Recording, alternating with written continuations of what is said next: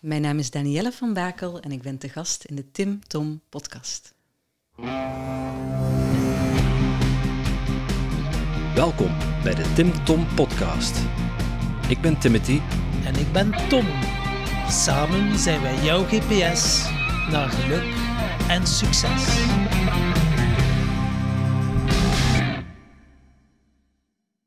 Dag lieve luisteraar. Ik kan me zo maar voorstellen dat je tijdens het luisteren van deze podcast plotseling zin krijgt om van alles op te schrijven. Wat zou jij nu werkelijk willen met al die inspiratie en al die inspirerende gasten? Maar dat is nogthans helemaal niet nodig. Oeh, dat is niet nodig. Hé, hey, kan ik dat niet allemaal niet onthouden? En eh, wie gaat dat opschrijven voor mij? De kaboutertjes misschien? Nee, maar dat hebben wij al voor jou gedaan. Surf naar www.timtompodcast.com en daar vind je een blog boordevol tips en wijze inzichten van onze gast. En als je er dan toch bent, download dan meteen ons gratis e-book vol boekentips, luistertips en nog meer inspiratie voor jouw persoonlijke groei. Ja, lieve luisteraars. Jullie kunnen het niet zien, maar uh, ja, Tom die weet eigenlijk niet zo goed hoe hij zich moet gedragen. Hij zit hier zo van in een weer te wiebelen en te schuiven. Ja, hoort dat niet zo. Hoort dat echt niet. is. Hoort dat Zenuwachtig. Hoort dat echt niet. Was- waarom zeg jij zo zenuwachtig Maar- vandaag? Ben ik niet, niet, zenuwachtig, ook zeven, Want dan begin ik eh, eh, te akkelen en eh, dat is nu toch helemaal het geval niet. Nee, alle gekheid op stokje. Ja, dat is wel een dame die ik van binnen en van buiten ken. En ja, het is mijn vriendin, Danielle, die ik eh, leren kennen heb. De vlam is zo overgeslaan op het Tim Tom Podcast Festival op 15 augustus. En misschien nu al even voor de luisteraars. Ja, er komt een tweede editie, maar eh, dan ben ik niet meer vrij. Eh, maar 9 september trouwens. 9 september 2023, 2023 in Brasgaat. Maar ja, Danielle heeft zoveel in haar mars, zoveel te vertellen. Toch aan mij. Ik dacht, waarom ga ik het ook een keer niet delen met de luisteraars? Dus op eh, ja, een spiritueel pad aan het bewandelen. Ze heeft dan namen laten vallen dat ik dacht, oh my god, geen idee. En de boekenkast van haar, dacht wow, ja, daar kom ik dus instant op. eh, ja. Maar klaar. Ja, ja. Ja, vroeger, vroeger kwam er van klaar. Ja. De andere. Dus dat is ja. echt wel... eh, boeken eh, inspireren mij. En dan, wow, dit boek wou ik nog lezen, maar ook nog niet in mijn kast. Dus ja, we vullen elkaar heel goed aan. En wat blijkt, dat ze ook nog eens goed bevriend is met vrienden van onze show.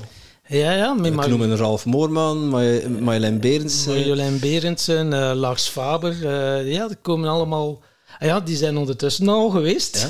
Ja, ja, inderdaad. Maar, eh, dus ja, en, eh, Ja, dus zal zijn. en jij bent ook blij mensen ook- natuurlijk. Richard de Let trouwens. Ja, ook, en, en jij bent ook vrij blij natuurlijk, want het is nu weer Holland tegen België. Hè? ja, het is weer- twee tegen één. Het is 2 tegen 1. Dus keer Vlaanderen, eh, ik verstegenwoordig jullie. Dag Danielle. Hoi, dankjewel voor deze zalige intro. Ja. Ja. Je bent ook gewoon een geïmmigreerde Belg. Enfin, Klopt. geïmmigreerde Nederlander. Ja, ja, ja, ik noem me inderdaad eh, ja. ja. Ja, vaak de geïmporteerde. hier, Geïmporteerd. ja, klopt. Een jaar of eh, tien nu. Dat ik inderdaad in, eh, in België woon. En, Ja, veel Nederlanders denken dan, oh my god, naar Vlaanderen bij God. Waar dat mensen zo, ja, toch minder rechtuit zijn en toch wel wat zo, hmm, maar dat het persoonlijke ontwikkelingslandschap toch nog niet zo ver staat dan in Nederland. En daar ga jij je heil komen zoeken. Klopt, ja, inderdaad. En eigenlijk is het wel mooi wat je zegt, want juist datgene en het ontbreken daarvan was ook de reden voor mij om naar België te komen. Oké. En dat was. ehm, Wat ze zo lekker onbewust zijn in België? Ja, precies. En dat trok zo aan. nee, dat was in, eh, inderdaad in 2012, 2013 was dat. En eh, toen ben ik met een, eh, met een groep, eh, ja, ik denk dat we allemaal, tien jaar geleden, dus ehm, allemaal zo'n beetje tussen de 25 en de 30 waren. En wij begonnen daar met een, eh, met een groot platform en dat heette in die tijd Universa. En wij wilden gelijkgestemde mensen samenbrengen. Je hebt net je stoel iets naar achter gezet. Wil je de Ja. microfoon ook naar achter trekken? Ja, zeker. Dan uh, Zo beter? Ja. Oké, deze afstand van je mond blijft. Ja. Oké, yes. Dus je mag Helemaal. gerust de stoel Ja. in de links zetten, en rechts zetten. Als, je Als ik de microfoon maar meeneem. Ja. dansen mag ook. Dat mag ook. Super, Ja. zalig. Ja. Nee, maar dat was dus inderdaad eh, voor mij de ontmoetingen die ik op dat moment had. Ik was zelf, eh, nou, ook nog echt wel zoekende op, eh, op een pad. eh, een spiritueel pad, wat misschien in, moet ik even denken, nou, mijn hele leven ergens al wel heeft getrokken. En, eh, microfoon goed zetten. Yes. Je krijgt Tom een autistisch straks. Dat is al goed opgevoed. hè. Ja, je mij zo gekweekt, hè, maat. Ja. Maar bepaalde, bepaalde personen, bepaalde situaties hebben je richting België Ja, getrokken en klopt. nu ben je er nooit meer weg. Eh, Nou, dat is niet. Ja, goh, ik wil nooit meer weg. Eh, dat laat ik allemaal nog, nog open. Ehm, dat, dat voelt voor mij ook heel erg open. Maar ik land wel steeds meer in België, want daar heb ik ook heel wat jaren over gedaan, moet ik zeggen. Ja, het was ook een bewogen pad in dat opzicht. Maar ehm, Wat zijn zo de grootste verschillen tussen een Vlaming en een Nederlander? Ja, jij hebt Ja. in ieder geval... eh, Het is eigenlijk wat je net al zei, een stukje de, de openheid. Dat ik, dat ik merk, ik voel mij in, eh, in Vlaanderen heel vaak degene die heel open is, die heel erg delend is, die enthousiast is. Als ik bijvoorbeeld in de rij bij de supermarkt sta, dan eh, ben ik vaak geneigd om gewoon een eh, gesprekje aan te gaan, als er toch een rij staat. Of om met de cashier gewoon even net even wat te socializen. En daar moeten ze toch wel vaak aan wennen. En als ik dan weer in Nederland ben, dan is dat weer heel erg normaal. Dus het is, ehm, mensen zijn introverter. Aan de andere kant vind ik daar soms ook wel weer een kwaliteit in zitten. Want in Nederland zijn er ook weer mensen die juist weer zo het hart op de tong hebben en zo naar buiten gericht zijn. Dat, eh, ja, dat ik me dan soms wel weer thuis voel bij de Vlaming. Dus het is, ik, ik leer een beetje de best of both worlds kennen. Zo voelt het dan tenminste. En eh, de taal is ook wel... hè, we hebben ook al ontdekt dat sommige woordjes dan toch wel net ietsje anders zijn, Zeker hè? weten, zeker weten. Ja, ja, ja, ja. En het leuke is... omdat- Beschaafd houden, ze kunnen kinders mee luisteren. Ja. Nee, want het is juist die, juist die kinderen. Want mijn dochter die komt, ik heb een dochter van bijna, bijna zeven. En ehm, zij zit natuurlijk gewoon op een Vlaamse school. Dus zij komt dan inderdaad wel eens met woordjes thuis. Dat ik dan denk van ja, dat is inderdaad heel erg eh, in het Vlaams. En de rest, ja, jij leert mij ook weer bij, hè, Tom? Eh, Ja, toch wel weer ja. een aantal nieuwe woordjes eh, in Ja, mijn het laatste vocabulaire. nieuwe woordje was tiret. Ja. Ja, dus even voor de Nederlandse luisteraars, laat hem even inzinken. Ja, ja. Wat denk jij dat dit betekent? Ja, ja. nee, die, ken, die kende ik nog niet. Ik had eh, eh, de verwarring tussen de tas, hè, de, de- het kopje thee en eh, de tas thee dan, ehm, en de chacos, wat dan de handtas is. Die had ik inmiddels al doorstaan. En ik wist ook al wat een schuif was en een schuif af. niet te verwarren met elkaar. En eh, ja, en, en botten. En daar komt mijn dochtertje dan wel eens mee af van mama, mijn, ja, waar zijn mijn botten? En nou ja, laarzen. dus, eh, maar de, de tiret, die had ik inderdaad nog niet Ja, gehoord. ja, ja. Dus ja, ja. Voilà, zie. Ja. Over eh tiret cursus gesproken. Voilà, over tiret gesproken.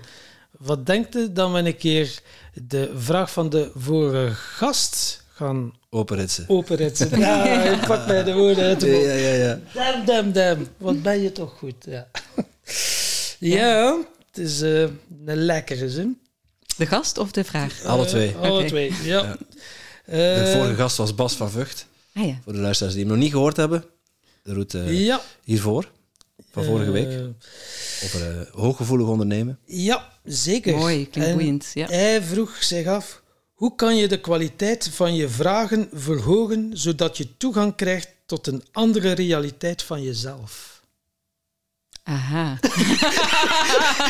Dus je kunt, hij, hij gaf als, De kwaliteit voorbeeld- van je vragen die je Ja. stelt aan je klanten. Aan je? Ja, jezelf, aan Of aan Dus hij, jezelf. hij, stel, hij, hij gaf als voorbeeld, ik, Ja. je kunt je bijvoorbeeld jezelf afvragen, eh, hoe kom ik iedere maand rond? Mhm. Dat is een vraag die je jezelf kunt afstellen. Of je kunt jezelf afvragen, van, waar ga ik deze maand in investeren? Precies. Ja, ja. Dus wil je hem nog een keer herhalen? Hoe kun je... Hoe kan je de kwaliteit van je vragen verhogen, zodat je toegang krijgt tot een andere realiteit van jezelf? Of, Ja, maar dat is eigenlijk voor mij... Ja, ik- oh, sorry. ja zeg maar. Ja, ja, ja. Ik denk dat hij inderdaad al dat, dat het antwoord op de vraag zoals die voor mij is, al in de vraag zelf zit. Dus door zelf vanuit een andere plek de vraag te stellen, krijg je automatisch ook een ander antwoord. En dat heeft volgens mij weer te maken met eh, wat je net zegt, hoe, hoe kom ik rond? Dat klinkt als een vraag die gaat vanuit een tekort. Van, ik denk vanuit een tekort, dus hoe kom ik rond? Hoe heb ik misschien net genoeg? Of inderdaad, waar kan ik in investeren? Of hoe kan ik in overvloed leven? Wat kan ik doen om in overvloed te leven? En dan komen er hele andere antwoorden. En dan zal je realiteit daarin ook anders zijn. Is het dan ook Dus, een soort ja. woordkeuze en Het is- positieve ja. bewoordingen? Ja, precies, dan? precies. Ja, ja. En ik denk ook dat dat ook erover gaat, ehm, dat wat we waarschijnlijk allemaal wel kennen, een stukje angst en tekort bewustzijn. Of aan de andere kant een stukje overvloedsbewustzijn. Vanuit welke plaats stel je hem in jezelf ook?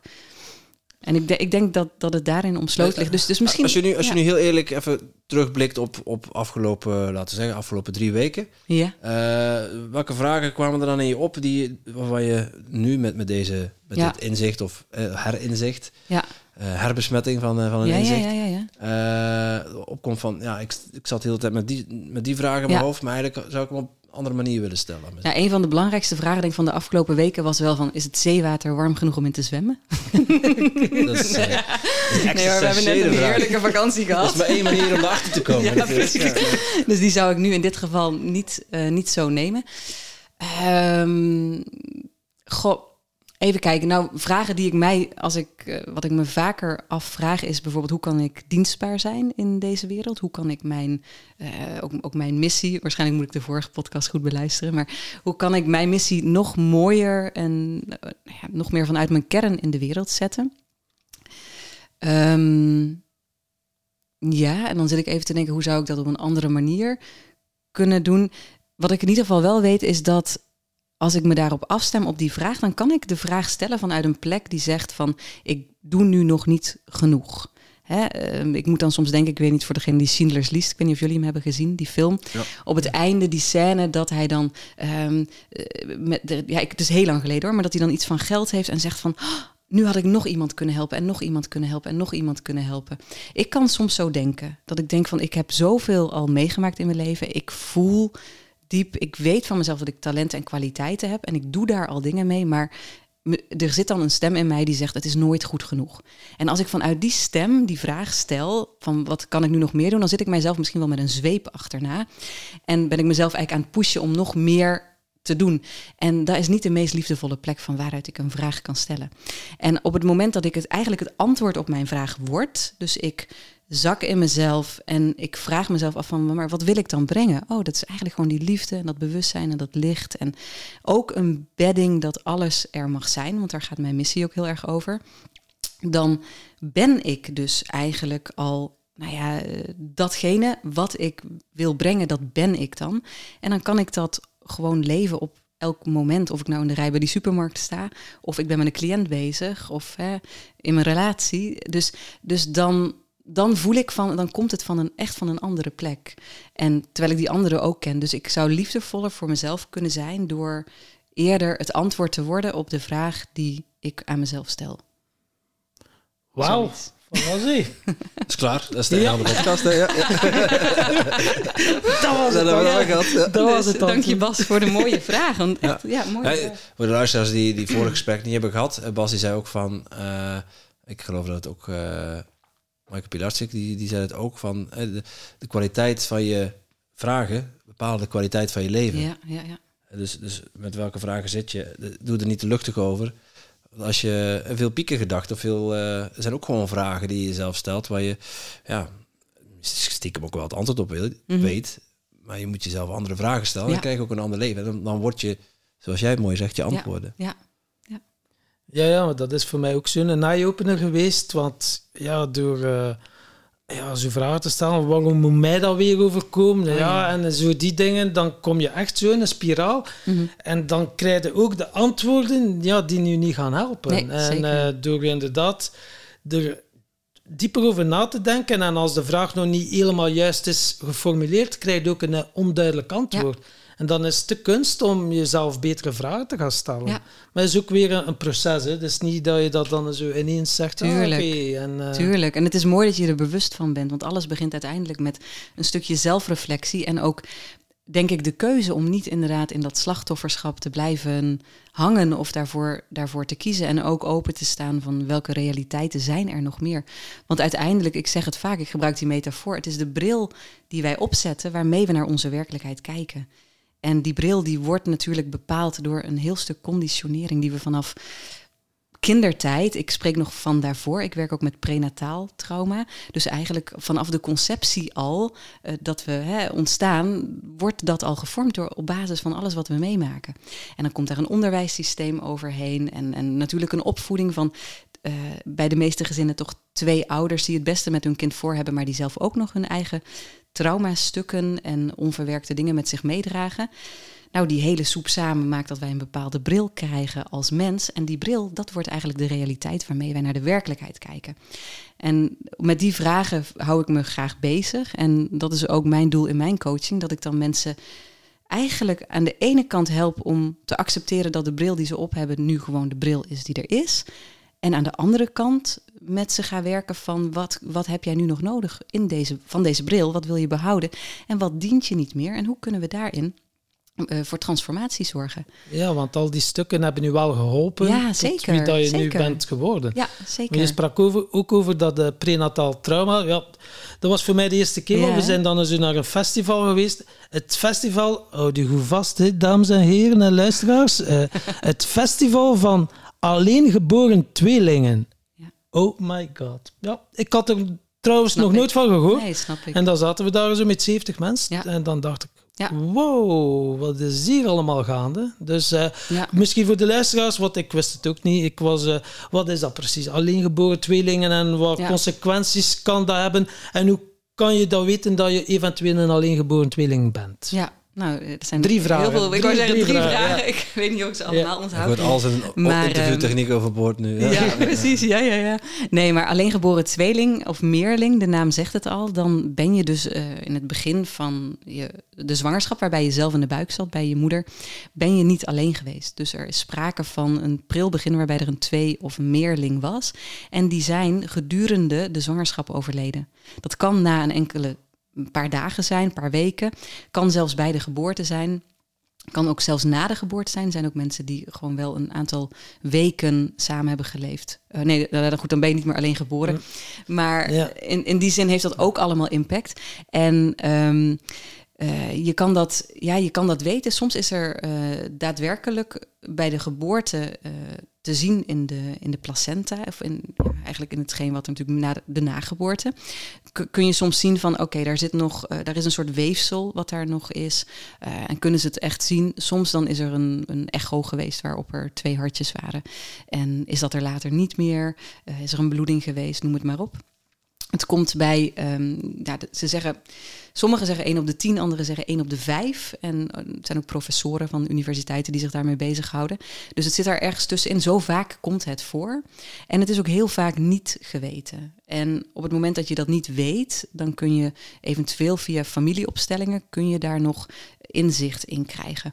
Maar als je dat hebt meegemaakt, en ik kan uit eigen ervaring spreken, omdat dat ook hetgeen is wat ik op basis van familieopstellingen heb gezien dat er zeer waarschijnlijk bij mij is gebeurd. Hè. Ik weet dat nooit helemaal zeker, uh, als er geen echo is geweest of wat dan ook, maar de symptomen die daarna ontstaan, die pasten wel heel goed bij mij. En ik ben op een gegeven moment ben ik ook een aantal maanden bestuurslid geweest van de Stichting Alleengeboren Tweelingen. En dat is voor mij wel een enorm leerzaam proces ook geweest. Want wat gebeurt er? Je bent in de baarmoeder heel uh, pril samen met iemand anders.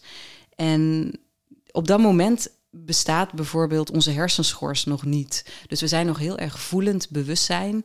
We zijn nog drijvend in een soort eeuwige oceaan. En we zijn nog heel erg afgestemd um, ja, in, in verbinding met onszelf en met die ander. En we moeten nog helemaal gevormd worden. En op dat moment is er een soort homeostasis, dus, dus een soort samen zijn tussen jou en die ander. En op het moment dat die ander, om welke reden dan ook, kan soms gewoon iets heel natuurlijk zijn, sterft, ja, dan geeft dat heel vaak een schrikreactie in degene die achterblijft. En die schrikreactie maakt dat je als jonge uh, nou ja, foetus, embryo, uh, babytje, dat je eigenlijk je radar meer gaat openzetten. Dus je gaat een beetje scannen in de buitenwereld. En scannen in de buitenwereld zorgt op latere leeftijd voor hoogsensitiviteit. Is niet de enige reden van hoogsensitiviteit. En er zijn misschien ook alleen geboren tweelingen die dat niet als kenmerk hebben, maar ik zie dat wel. Niet, niet iedereen met hoge sensitiviteit is een Nee, zeker, zeker, Ja. zeker. Ja, ja, dus het is allemaal niet heel zwart-wit daarin, maar, maar als je het je kan je zo voorstellen dat, dat er gewoon altijd een verbinding was en ineens is die anders. En dat vanuit daar er een zoeken is in de buitenwereld. En um, dingen als zelfsabotage, jezelf eigenlijk minder waard vinden, niet echt het leven durven aangaan. Juist omdat je zo, ja, eigenlijk diep, diep van binnen misschien nog onbewust een schuldgevoel hebt naar die ander.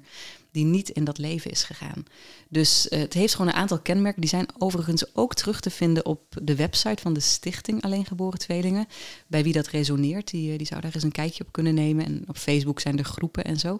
Maar het was voor mij wel een puzzelstukje in wie ik ben en waarom ik op mijn jonge leeftijd, naar mijn eigen beleving, ook heel vaak ja, een gevoel had dat ik anders was. Maar ook dat ik heel goed mijn omgeving bijvoorbeeld kon aanvoelen. Ik wist precies wat er speelde.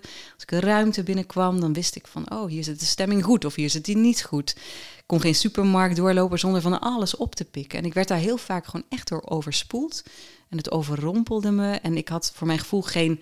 Nou, ik zou bijna zeggen, geen, geen schild om dat buiten mij te houden. En ja, dat is voor mij ook heel erg op zijn plek gevallen sinds ik daar wat meer van ben gaan leren en onderzoeken. En later ook, ik heb zelf een training gedaan om via het onderbewuste en uh, lichaamswerk, traumawerk, om daar ook voor een stuk heling in te vinden. Om een stuk weer meer mijn zenuwstelsel daarin te kalmeren, om ook dingen te begrijpen. En het is misschien een pad wat ik, ja, wat, wat nooit stopt of zo. Um, maar het heeft me wel veel gebracht. Ja. En een, een ander pad wat nooit stopt, is het pad van persoonlijke ontwikkeling, mm -hmm. spirituele ontwikkeling, hoe je het ja. kan noemen.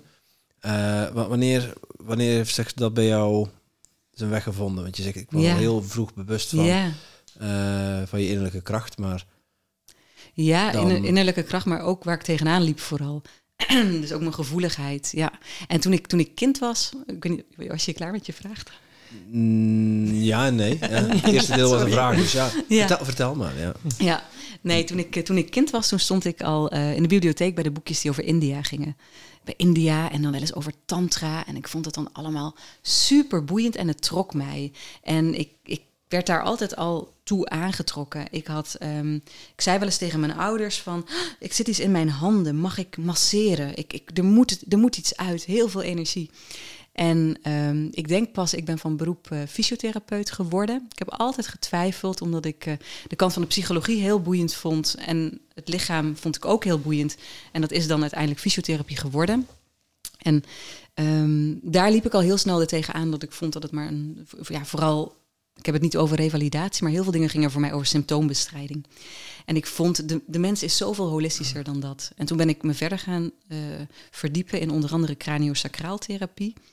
En nou ja, goed, in die opleiding zijn er, is eigenlijk de eerste, uh, ja, de eerste aanraking gekomen met, met bewustwording. Ik ben, op een gegeven moment ben ik daar uh, mensen tegengekomen die mij heel diep hebben geraakt, die mij eigenlijk ja, deden beseffen van wow, eh, de, de film zoals ik hem hier leef, van het leven.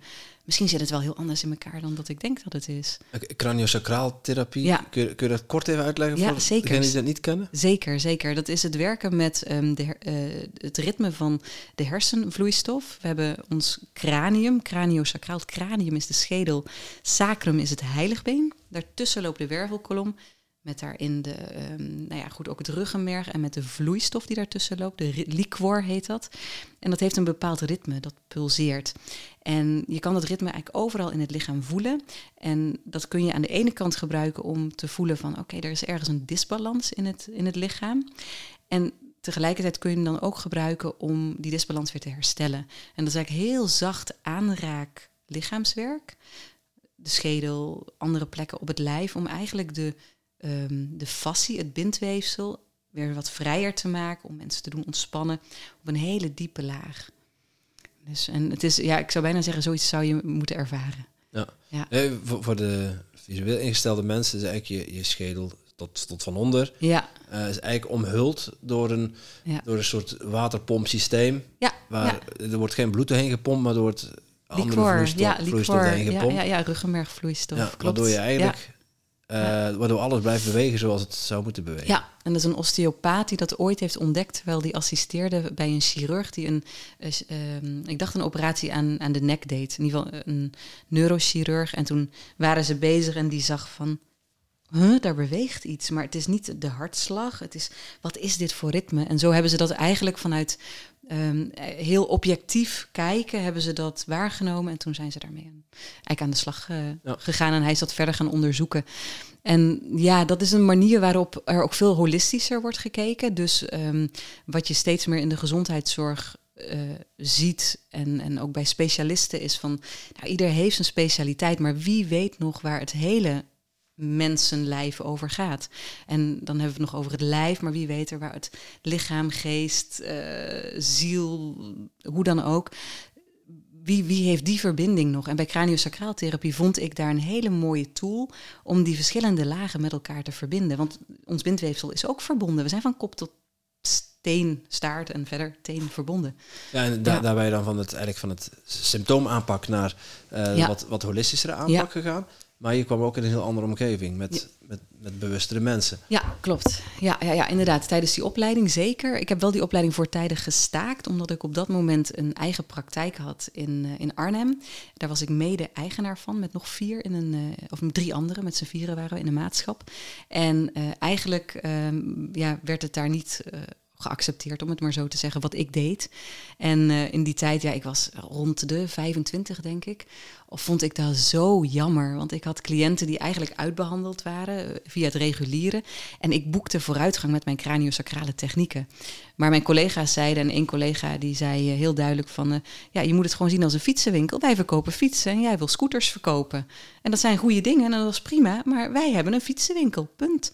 En ja, en, en dat heb ik heel jammer gevonden. Dus toen heb ik uiteindelijk heb ik die opleiding gestaakt. En even later heb ik ook die praktijk. Ja, het zijn niet allemaal tweewielers. Nee, precies. ja, ja ik, ik heb het echt. Ik heb zelfs toen. En nu verkopen de fietsenwinkels elektrische fietsen. Was het, het is, het is, ja, precies. Ja. Nou, en, en ik was altijd al zo, maar daarin was ik ook gewoon anders. Hè? Want ik, ik weet nog dat ik die praktijk had. Ik was ook de jongste in dat team en misschien ook wel een beetje te jong ingestapt. Maar ik zei ook altijd: zullen we maandagochtend gewoon eens beginnen met een. Uh, la, laten we even horen hoe het met iedereen is. Hoe ben je je weekend uitgekomen? Hoe gaat het met je? Gewoon not dan. Zij, zij hadden gewoon een hele andere visie. Ik, ik communiceerde met uh, collega's uit andere praktijken. Ik had een craniosacraaltherapeute ook wel een beetje een tweede moeder voor mij. Um, die woonde straat verder, had ze haar praktijk. En ik stuurde wel eens mensen door. Ja, dan werd ik echt op mijn vingers getikt door mijn collega's van... ja, maar ja, dat kost onze omzet. Ik zei, maar die cliënt is geholpen. Ik, ik kon niet denken en nog steeds niet in concurrentie. Dat is voor mij gewoon, nee, die mens moet geholpen worden. En is die bij die persoon beter af? Dat is toch helemaal goed? Ik, ik ken daarin geen... Ik weet niet. En dan, toen had ik altijd al het gevoel van... ja, uh, deze planeet of zo. Ik, ik, begrijp het soms niet helemaal hoe, hoe mensen hier denken vanuit uh, ja, andere waarden dan of zo. En dan heb je ja, de keuze gemaakt omdat het niet bij jou paste en niet ja. uh, jouw zielsmissie was. Heb je gezegd: Oké, okay, ik verkoop ja. de boel. Ja. Ja, ja, ik verkoop de boel. En dat is een ik... vraag met enige voorkennis hoor. Ja, ja ik kan net uit de cloud. Ik kan net uit de cloud. Ja. ja, nee, dat klopt. Dat klopt. En toen ben ik weer in loondienst gaan werken um, in een andere praktijk. Het was een jonger team en uh, uh, daar werkte ook een osteopate. En daar was gewoon veel, een veel leukere dynamiek, vond ik ook. En daar hoefde ik ook niet de baas te zijn, want daar was ik ook niet zo goed in. Want ik voelde me altijd gelijkwaardig ook aan het personeel wat ik had. En ik had zoiets van, ja, we moeten het gewoon samen doen. En ik was ook um, in die praktijk in Arnhem altijd heel erg gericht op multidisciplinair werken. Dus met andere specialisaties samen zitten. En daar was ik dan ook eerder wat nieuw in. Terwijl in die andere praktijk, daarna in Westervoort, waar Marjolein Berends ook haar, uh, haar praktijk heeft trouwens. Um, die fysiotherapiepraktijk, die was daar ook al veel meer mee bezig. Dus dat was gewoon een jong team en dat was hartstikke leuk. Alleen was het wel zo dat ik op dat moment, door die ja, hele situatie daarvoor, was ik eigenlijk opgebrand. Dus ik heb in die praktijk nog een paar maanden kunnen werken. En toen was gewoon mijn kaars echt gedoofd. En toen heeft mijn baas in die tijd, um, die had het eerder door dan ik. Die heeft gewoon gezegd van volgens mij moet jij gewoon uh, rust nemen en thuis zitten. Want je lijkt gewoon op. En, en ja, als je niet meer kan, kan je niet meer. En ik was een vechter en soms nog steeds. En ik zei nee, maar het gaat wel, het gaat wel, het gaat wel. Ik moet nog, ik moet door, ik moet door. En letterlijk, het ging niet meer. En toen kwam ik in mijn uh, eerste burn-out, waarbij ik letterlijk, um, ik zei dat wel eens, misschien twee, drie uur per dag kon wakker zijn en de rest moest ik slapen. Mijn bijnieren waren zero, deden niks meer. Ja, ja, dus dat was. Uh... En dan begint het echt. Voor, voor, voor, de details bijneren, zorg, die, uh, als je daar last van krijgt, dan heb je te weinig ontspanning. Dus bij jou was gewoon alle, ja, ja. Uh, alle ontspanning ja. was verdwenen. Ja, ja, het was verdwenen. ik denk dat ik al heel jong het gevoel heb gehad dat ik um, veel op mijn schouders nam. Juist door die hooggevoeligheid, veel invoelen bij mensen. Uh, ook voelen wanneer mensen het moeilijk hebben. En ik heb altijd een soort helpreflex in mij gehad. Gevoel van ik moet hier helpen, ik moet hier ondersteunen. En die reflex, ja, kom dan maar eens in een fysiotherapiepraktijk en kom dan maar eens met mensen te werken die. Je leert op school hoe fysiotherapie. Nee, goed, je leert van alles op school. Maar dat is allemaal of theorie. En in de praktijk, potverdorie, zo'n mens zit toch heel anders in elkaar. En ik had altijd het gevoel dat ik niet goed genoeg was. Dus toch werkende, toch 40, 50 uur per week mijn cliënten zien, elk half uur, dus tjak, tjak, tjak. Heel veel voelen en telkens het gevoel van, maar ik weet nog niet genoeg, maar ik ben nog niet genoeg. En dat heeft mij nou ja, gewoon letterlijk in, uh, in de burn-out gedreven. De perfecte situatie. Ja, je, je, zei dat net ook van, van wat voor vragen komen er wel eens in je op uh, waarvan je de kwaliteit zou willen verbeteren. Mm -hmm. Uh, noemde je eigenlijk dezelfde vraag, dus, dus het is iets wat, wat blijft terugkomen voor jou. Ben ik wel goed genoeg? Zeker, zeker. Ja. En een andere, ja. het evalueert waarschijnlijk in een andere vorm, in een andere, een en ik kan, ja, ja, ja, klopt. Maar zeggen dat hij helemaal uit mijn systeem is en dat ik voor volle 200% kan zeggen: ik ben perfect en genoeg wie ik ben nu. Nou, er zijn dagen dat ik dat voel en er zijn dagen dat ik dat absoluut niet voel. Het enige verschil is, en dat heb ik dus geleerd rond die tijd van die burn-out. Want ja, nog net daarvoor denk ik dat het was. Ja, want ik werkte nog in Arnhem en er was um, een therapiepraktijk waar dus die craniosacraaltherapeuten, die een beetje die tweede moeder van mij uh, werkte. En zij heeft mij uh, laten kennismaken met PRI, de Past Reality Integration. Uh, dat is een psychotherapie-methode van Ingeborg Bos. En daar leerde ik een beetje over hoe het werkt, wat we als kind meemaken uh, en daarvoor. En hoe we dan onze overtuigingen over onszelf krijgen. En toen leerde ik voor het eerst, en dat was een eye-opener. Ah, maar ik doe dit, ik ben dit niet. En dat was een enorme eye-opener. En dat is misschien het verschil ook met nu. Er zijn al heel veel dingen waarin ik mezelf toen niet goed genoeg voel, vond. Waarvan ik nu denk van, hé, hey, maar hier ben ik nu wel goed genoeg in. En als de stem komt, kan ik hem steeds vaker, ook niet altijd, maar steeds vaker waarnemen. In plaats van dat ik er volledig mee versmolten ben en dat ik ook denk dat die stem de waarheid spreekt. Of zelfs ontmaskeren. Inderdaad, inderdaad. Ja, ja. Ja, en daar heb ik dan weer ook een goede aan Tom, dat als hij dan een keer opkomt, die kan ook heel goed... lijkt dat uh, beetje op Zorro ook, hè? Wat zei je? Of Zorro? ja, nee, maar, maar, maar Tom heeft ook met zijn achtergrond in de NLP en ook in... kan hij soms heel mooi ook reframen, ja, ja, je zegt dat goed. Ja, ja. ja nog van dan. Nog ja, nee, en, uh, en, dat, en dat helpt. En dan met een stukje humor erbij ook. Hebben we daar financiële afspraken gemaakt over complimentjes? ja, ja, nou niet financieel, weer een natuur uitwisselen. Ja, ja, ja. Dus, uh... Luisteren kindjes mee. Niks zo natuurlijk als. Nee, maar ja, ja nee, dus, uh, dus dat, dat maakt wel een verschil dat ik er dan naar kan kijken. En ik heb ook in het verleden Vipassana gedaan. Nou, ik heb mezelf dan zo tien dagen opgesloten, tien uur per dag mediteren. Nou, dan kom je wel bij een stukje uh, zelfobservatie uit. Hè. Alle, alle, alle, het hele spectrum. Het mooie, het minder mooie. Maar sinds die tijd en sinds mijn persoonlijke ontwikkeling is er veel meer uh, dat, dat de waarnemer zijn intrede heeft gedaan. Dus dat ik dan ook van een afstandje naar mezelf kan kijken. En mezelf dan bezig kan zien. En daar dan, ja, dat, maar maakt eerst het anders. lig je nog in de zetel met een burn-out. Met die burn-out. ja, ja. En ik hoorde ook, ik hoorde ook meerdere burn-outs. Dus neem ons even mee naar je tweede Ja. burn-out. Ja, ja, Dus, dus het het stuk ertussen van... eh, Ja, ja, ja. Nou, dus die- dan lig je daar. Ja. Twee uur wakker Ja. en de rest slapen Ja. of drie uur. Dus hoe kom je daar in eerste instantie uit? Ja, door te slapen, maar je kan niet ja, blijven nee, slapen. en op elk moment dat ik weer een beetje energie had, besteedde ik hem aan lezen. En dan had ik het boek opgebrand en ik had het boek bijnieruitputting in die tijd. Dus alle, het kleine beetje energie wat ik toen had, en dat is wel iets wat ik vaker herken, dat gebruikte ik dan weer om meer kennis op te doen, om nog beter te Mm. worden, om meer te weten. want ik ben niet goed genoeg. Precies, inderdaad. Ja, en toen op een gegeven moment ehm, is Richard de Let op mijn pad gekomen, weet ik nog. Want ik werd dus echt ook door mijn collega. Want, want telkens als ik me beter voelde, dacht ik, maar nu kan ik misschien wel weer wat uurtjes werken. Maar het ging gewoon niet. Ehm, werd ik gewoon weer naar, naar huis ge- gebracht eigenlijk door hem. Eh, van neem je tijd, neem je tijd. En we willen jou echt terug als je ja, als je, je goed voelt. En ik weet nog dat ook in die tijd iemand mij eh, de cd's gaf van Kevin Trudeau, Your Wish is Your Command. Nog nooit van gehoord, maar ik wist op dat moment van, dit is iets, ik moet hier iets mee. Dat waren tien cd's en die gingen dus over de kracht van manifestatie, van gedachten, van hoe het universum werkt, energie en van alles en nog wat. En toen ben ik steeds meer in mezelf gegaan. Reiki-opleiding bij Marjolein Berends heb ik ook nog in die tijd gevolgd. Ik weet niet meer precies of dat nou net voor mijn burn-out was of daarna. Waarschijnlijk net ervoor. Hè? Ja. maar zo kwamen er allemaal dingetjes op mijn pad. Ik ben bij een ortomoleculaire um, diëtist geweest. En dat was ook super boeiend, want dan moest ik vertellen wat ik at op de dag. En ik at gewoon net als de gemiddelde mens. Nou ja, weet ik niet of gemiddeld. Maar ik at gewoon mijn brood. Ik had gewoon kei veel granen. Ik at gewoon dingen met suiker, ontbijtkoek. Want het is toch ontbijtkoek. Uh, pakjes en zakjes en noem het maar op. En ik dacht dat ik goed bezig was. En daar werd ik dus ook even wakker geschud van... Uh, hallo, wat ben jij hier aan het eten en waar voed je je lijf mee? En zo ben ik me toen in alternatieve voeding gaan verdiepen. En dat was dus eigenlijk een periode, want ik denk dat ik toen...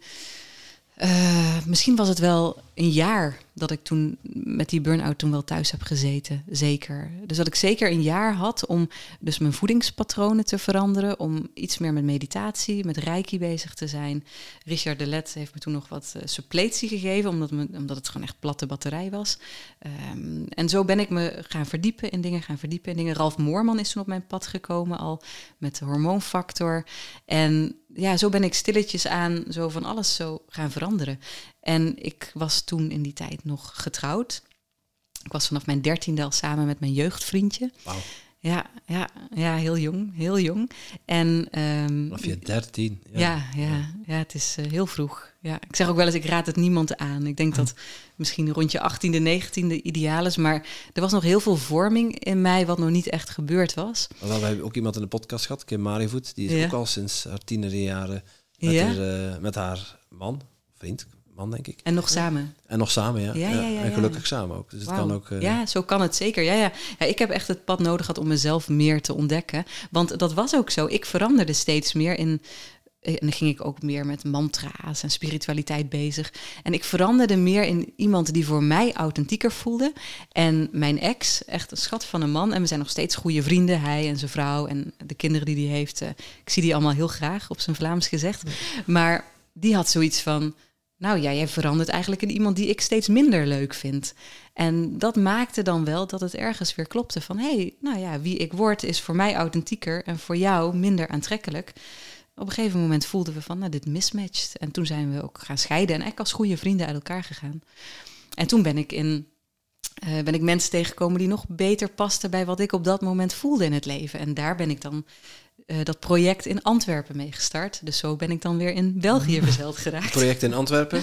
ja, Universa. Universa. Het Universa, ja. ja, ja, ja, ja. net, net al. Ja. Uh, kun, je, kun je ons kort uitleggen wat, wat het project inhield en waar je, waar je daarmee wilde bereiken? Ja, dat was eigenlijk een platform om gelijkgestemde mensen samen te brengen en om bewustzijn en transitie uh, te brengen in een wereld die veranderde. En wij hadden workshops, um, uh, lezingen, uh, maar ook feestjes die, die we organiseerden. Allemaal nog op vrije bijdrage, omdat we vonden dat het voor iedereen toegankelijk moest zijn. En dat ging dan over een stukje spiritualiteit, maar ook ecologie. Dus over bouw, verbouw je eigen groenten. Um, een stukje samenleven in community, gezondheid. Hoe kan ik inderdaad mijn eten anders doen? Ik heb toen nog supermarkt safaris georganiseerd. Dus echt een een soort een, een soort grote groep maken. Supermarkt safaris. Ja, ja, ja, dat, klinkt als bekend in de oren. Ja, ja, dat kwam inderdaad van, van Ralf. Om, om mensen meer bewust te maken van wat, wat is dat in die supermarkt en hoe maak ik gezondere keuzes. Dus wij wilden eigenlijk, want we zijn toen met een groepje van vijf gestart. Uh, twee Nederlandse dames en drie Vlaamse mannen. En uiteindelijk, ik denk dat er een paar honderd mensen bij zijn aangesloten geweest. En die kwamen dan soms naar een festival of naar een feest wat we organiseerden. Zonder alcohol, uh, zonder drugs, maar wel met goede muziekverbinding, samen eten, co-creatie. Omdat we gewoon eigenlijk een andere samenleving wilden, waar ja, naar ons idee behoefte aan was. En uh, ja, en dat was een, was een hele boeiende periode. En dat bracht mij naar België. En ik was toen nog, nou, ik kwam uit mijn scheiding. Ik woonde voor een deel weer bij mijn ouders. Ik ben het hippie-leven ingevlogen. En uh, ik had geen vaste woning. Dus deel bij mijn ouders, deel bij vrienden. Ik had nog, uh, nog een stukje uh, nou ja, nasleep zo van dat ziek zijn. Dus ik had ook best wat vrijheid om dat te doen. En uh, ik genoot daar wel van. Dat was echt een ontdekkingstocht in mijzelf. Naar een rainbow gathering. hele mooie mensen in België ontmoet. En op een van die uh, ja, feestjes was het. Daar is de vader van mijn dochter, ben ik daar tegengekomen. En die was daar aan, ja, met zijn drum, percussionist, uh, was hij aan het, aan het spelen. En uh, dat was een beetje het volgende hoofdstuk van mijn leven eigenlijk. dat ik met hem later ben gaan samenwerken en gaan samenleven. Ja. En jullie zijn op dezelfde trommel gaan slaan? Ja, ja zoiets, inderdaad. Ja. ja, wij zagen elkaar en hij had ook uh, kine, uh, of ja, fysiotherapie, dus kine in België gestudeerd. Nou, had het in Nederland gestudeerd, maar. Um, dus we hadden een achtergrond een beetje in lichaamswerk. Maar we hadden ook meteen een gevoel van we gaan ooit samenwerken. En dat hebben we een poosje gedaan. Ik met mijn praktijk in die tijd al, die ik uh, Pure Being noemde. Om mensen te helpen om meer naar hun essentie te komen. Ik had ook wat opleiding gevolgd uh, in werken met het onderbewuste en traumaheling. En hij uh, deed lichaamsgerichte therapie ook. En hielp mensen aan vitaal en zuiver water. En dat doet hij nog steeds.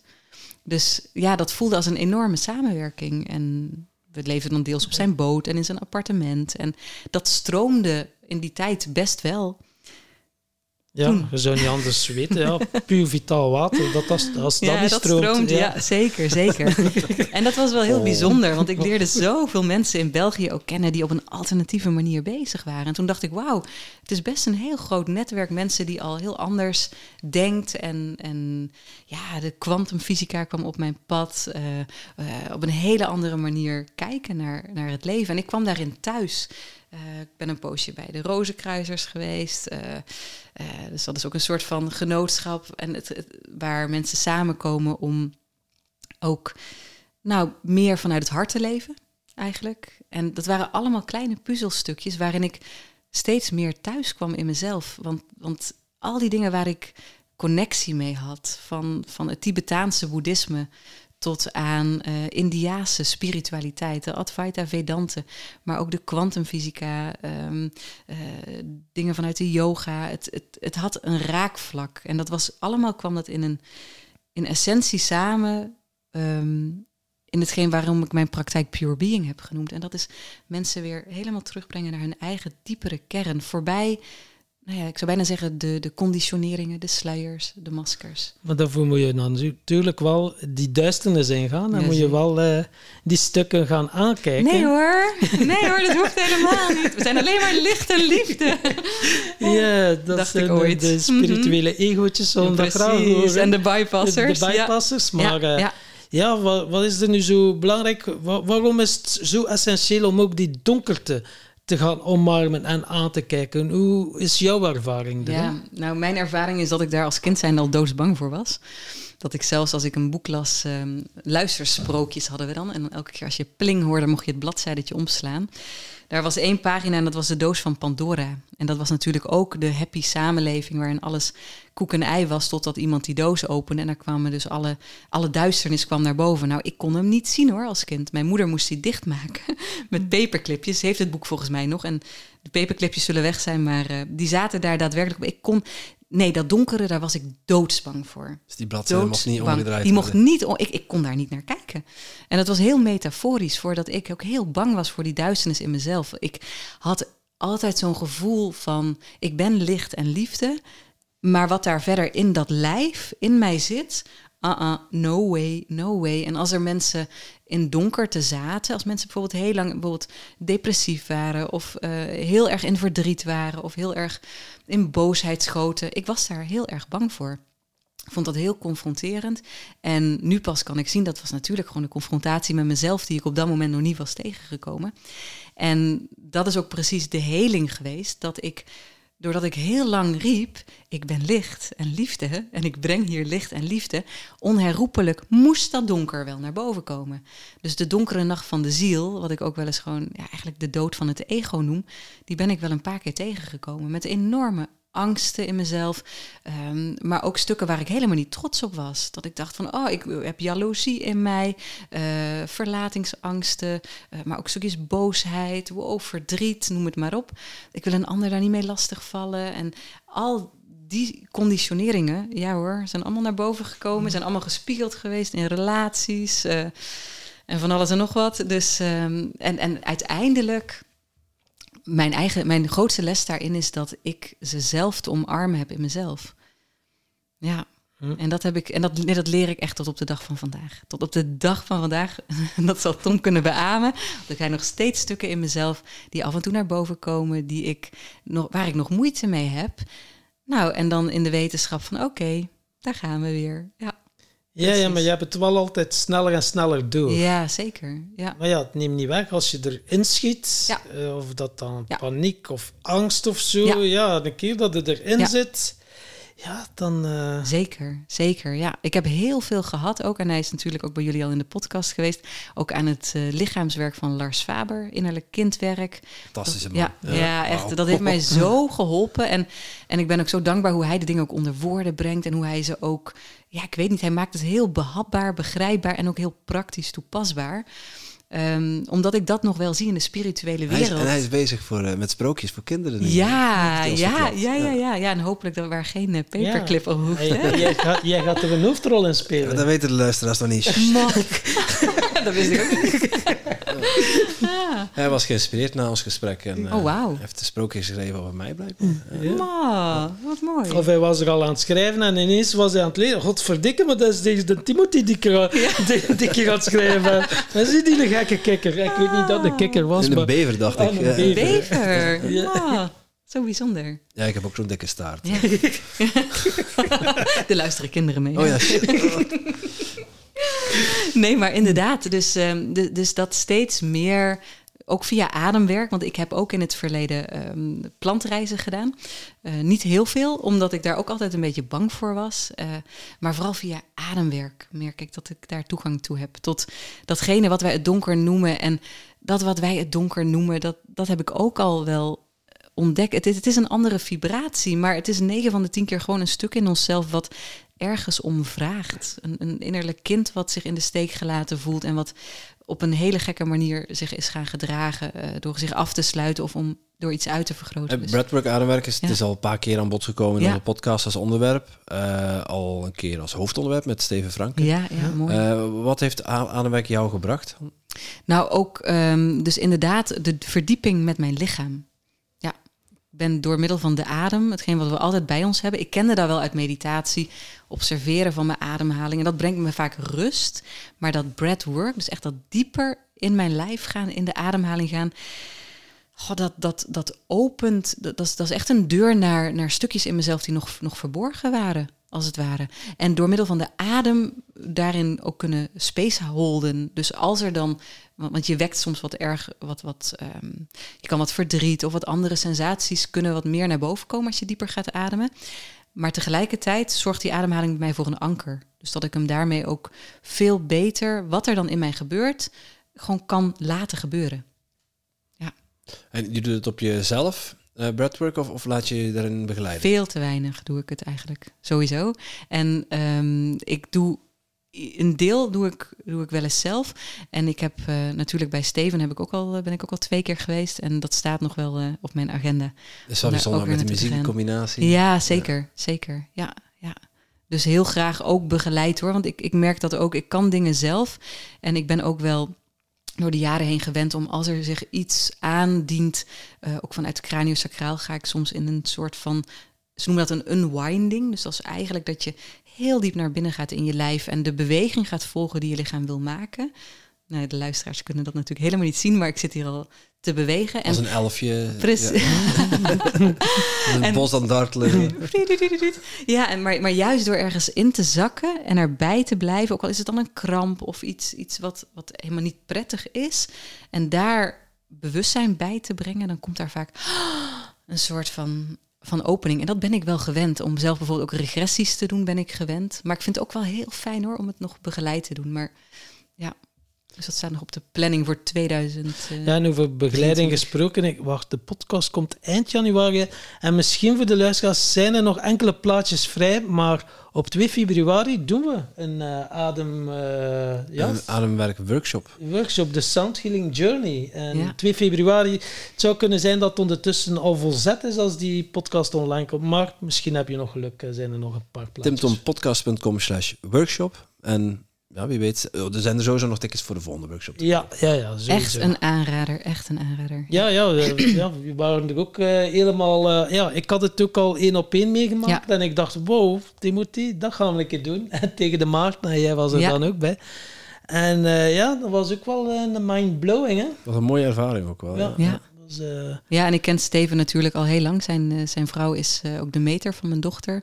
Ehm, en ja, ik ken hem als, als eh, prachtig pianist. En deze verdieping met het ademen, eh, dat is ja, ja, geschenk, hè? En, en het mooie van, van dat ademwerk is, het, is een, het, werd, het wordt in verschillende podcasts ook wel een medicijn genoemd, hè, Ja. je ademhaling. Ja, En je kunt gewoon onbewust ademen, maar je kunt ook bewust op een bepaalde manier gaan ademen Ja. en daardoor eh, dingen in, in gang zetten. Ik weet ook niet altijd wat er gebeurt, eh, maar ik voel wel dat het dingen doet. En, en je hoeft het ook niet altijd te willen begrijpen. dat is het, ja. ja. Ja, dat is juist het mooie. Het haalt je uit je hoofd hè, en brengt je echt in je lijf. We waren bij, eh, eh, op, met jou op reis. Eh, we waren onderweg naar jouw tweede burn-out, want daar waren we nog niet. We waren nog niet aanbeland. Nee, precies, nee. Ehm, die is ook nooit zo gediagnosticeerd geweest, maar Wees je moet een naam Ik ben, hebben. eh, ja, ja, ja. Ik heb een dochter van bijna zeven en eh, zij was een verrassing op ons pad. En eigenlijk ehm, een verrassing die ontzettend welkom was, maar het was, ja, mijn ex en ik waren niet klaar voor het ouderschap. Nu zijn de meeste ouders dat denk ik ook niet. Ehm, hè, Timothy? Daar weet ben je niet hoe nooit jij dat klaar voor. ervaart. Dat Nee, is hè? Mijn ervaring Nee. is dat je er nooit klaar voor bent. nee, zeker, is, zeker. eh, waar. je maar- kunt alleen maar jezelf zijn en dan is het Ja. genoeg. Ja. Maar ook daarin hebben mijn, eh, mijn ex en ik hebben elkaar daarin niet genoeg eh, gevonden. Ehm, ik heb daarin denk ik heel veel gegeven. Terwijl hij redelijk veel doorging met, eh, op dat moment met zijn eigen bedrijf en bezigheden. En ik denk dat hij ook onderschat heeft wat het inhield. En ja, goed, misschien ook de taken voor, ja, een stuk meer bij mij neerlegde. De oude traditionele rol, rolverdeling dat hij meer het geld verdiende en ik dan de zorgtaken deed. En ik die dat dan eigenlijk anders wilde. En daar is een heel stuk in, nou, misgegaan. Het is gelopen zoals het liep, maar daarin is er wel, ja, ben, ben ik eigenlijk eh, voor de tweede keer dood en doodmoe geraakt. Ook omdat ik een slechte slaapster had en ik ouderschap eh, op een iets andere manier wilde doen dan anderen. Dus heel erg eh, toegewijd ook zijn, ehm, veel samenslapen, heel lang borstvoeding geven, eh, haar je- altijd dragen. Ik kan zeggen, jij, jij- had er... Maar er was geen emotionele ondersteuning. Nee, maar je stond er alleen voor. Eh, het was mentaal heel zwaar, Ja. fysiek heel zwaar. En het uitte zich bij jou ook in, eh, in, in fysieke Ja. ongemakken. Fysieke klachten, zeker, zeker. Want mijn dochter heeft fases gehad dat ze soms elk uur wakker werd in de nacht. Eh, in die tijd zei iemand wel eens tegen mij: in het leger gebruiken ze dit als een marteltechniek. Ik zei: Oh, dit is gewoon hoe mijn gemiddelde week eruit zag in die tijd. En iemand wakker maken op het moment dat hij in slaap ja, valt. precies. Ja, ja. Ja, En ik kon echt merken, onze slaapcyclus duurt geloof ik anderhalf uur. En als, die, als mijn cyclus dus korter was, ik was gewoon breindood overdag. En dan wordt er toch nog gevraagd. Ja, zo'n kind vraagt natuurlijk van alles. En, en zij slaapt dan wel hè, in de draagdoek of waar dan ook. En ik was gewoon kapot. En dan ook nog een keer, ehm, nou, niet de emotionele steun gevoeld. Mijn ouders die heel ver weg waren. En dat heeft er gewoon toe geleid dat ik, eh, dat ik uiteindelijk gewoon echt, ik was op, ik kon niet meer. Dus ik had toen ook emotionele schommelingen. Ik voelde me, ja, ik voelde me echt, echt niet goed. Echt niet goed. Ja, dat was, eh, dat was, heel, dat was heel intens. Ik heb zelfs een auto-immuunziekte in die tijd, haaruitval en alles aan, aan overgehouden. Heftig. Ja, Ja. ja. ja, dat was... eh, dat Gewoon een uiting van, van die stress. echt een uiting van die stress. Ja. Ja, en ook niet weten hoe anders. Hè? Want er, er was, ik wist ook niet hoe ik het anders moest aanpakken. Pas op het moment dat zij naar school ging en er kwam wat meer ruimte. Ehm, nou ja, goed. Hè? En ik, ik koos er ook bewust voor om haar in die tijd niet naar een crash te brengen. Want dat is natuurlijk iets wat, ja, wat je ook gewoon wel kan doen. Je kan zeggen van, ook breng mijn kind naar een crash. De crashes die ik wel fijn vond, die zaten vol. En andere crashes, ja, het voelde gewoon niet goed. Dus ik heb telkens, en dan ben ik daarin weer een behoorlijke vechter en een volhouder. Hè, en van oké, nee, dan doe ik het toch maar zelf. Want het voelt voor mij niet goed als er negen kinderen zijn met één begeleider. ehm, wat het dan gemiddeld was, zo'n beetje in Gent. Ik zei, dat, dat wil ik niet voor mijn dochter. Dus toch zelf doorgebikkeld. Maar het was vooral ook de relationele spanning en de emotionele eh, steun die ik, die ik miste. Het, het was niet van, kom maar, eh, ik neem haar nu een halve dag, ga jij maar lekker slapen, kom jij maar bij. En En ja, daarin waren we gewoon, denk ik, een mismatch. Wij, wij stroomden heel goed samen op het werkgebied. Dat ging eigenlijk heel vloeiend en in, op bepaalde spirituele vlakken klikte het. Maar uh, gewoon puur aards, papa, mama, uh, er voor elkaar zijn, elkaar ondersteunen. Op dat moment uh, lukte dat niet. Helaas hoor, want een kerngezin verbreken en loslaten en noem het maar op. En die wens kwam in eerste instantie van mijn ex, die, uh, die mij aangaf dat hij zo niet verder wilde. Toen was mijn dochter drie. Dat was gewoon, ja, dat was gewoon snoeihard. Dat was echt snoeihard. En dan, toen ben ik weer opnieuw in een, uh, echt in een gat gevallen, met, zelfs met depressie erbij. En dat was iets wat ik nog niet kende. En wat ik ook niemand toewens, maar wat heel... Uh, dat was echt diep, diep Wat donker. is dan zo het verschil tussen uh, een burn-out en depressie erbij? Uh, ja, in, in deze fase ben ik zelf suicidaal geweest. Oké. Okay. Ja, ja. ja, heb ik, ik heb nooit iets gedaan, maar ik heb wel heel veel donkere gedachten gehad die zeiden van... Van mij hoeft het niet meer. Als ik, als dit, dit is geen leven meer. Ik stop er net zo goed mee. En er kwamen letterlijk dan beelden in mij op van... Ja, hoe kan ik gewoon een eind maken aan mijn leven? Want dit zo, zo doorgaan, dat, uh, dat wil ik niet. En dan was er wel gelukkig altijd het verstand van: oké, okay, ik heb nog een dochter. Het is, en toen zei ik altijd, want ik voelde, voelde dat dus niet meer, maar ik zei: ik heb een dochter. Het is heel handig dat ze nog een mama heeft. En dat heel vond ik handig. dat vond ik handig. handig. Ja, ja. En zo voelde het in die tijd. Want, want het gevoel van overvloed en van leven, dat was, dat was gewoon volledig. Ik kon mezelf niet meer zien als een levend voorwerp, maar als een, als een, als een middel of een... Ja, ja, zoiets denk ik. Ja, en dat was, dat was heel diep en donker. Ja. En dat is dan heel bijzonder langs de ene kant. Hè. Je bent dan zo belezen, hè, het spirituele, ja. al die tools te beschikking om dingen goed uh, te zorgen, ja. voor in balans te zijn. En dat je er dan ook zelf gewoon ja. in kunt geraken. Ja. En dan wel de tools ergens weten, maar ze toch niet kunt toepassen nee, op een nee. manier. En dat was met name, denk ik, omdat, ik het, omdat het ouderschap zo zwaar was. Want ik kon niet zeggen van, ik ga nu eventjes een, een maandje uh, op retraite in India of wherever... en ik laat even de boel de boel. Nee, ik heb altijd die zorg voor mijn dochter moeten doen. Want dat was ook in die tijd. In België kom je natuurlijk al vrij snel bij een psychiater uit als je wordt ziek geschreven. En mijn psychiater zei ook van, maar jij bent geen persoonlijkheid voor depressie. Je bent dat helemaal niet, maar je bent uitgeput. Nee, precies. nee, maar echt schat van een vrouw die, die dat zag. En die zei dus ook, dus ik ga jou geen antidepressiva voorschrijven. Ik ga jou tijd geven. Tijd en, en tijd om te rouwen en tijd om te rusten. En ze zei, dat is wat jij volgens mij nodig hebt. Want, want jouw lichaam is gewoon ook op. Want we hebben natuurlijk te Jij, maken jij, jij met... naar de apotheek met een voorschriftje voor een Rolex. Ja, precies. Ja. Die alleen maar nu aangeeft. Zo. Nu, nu, nu, nu, nu, nu, nu.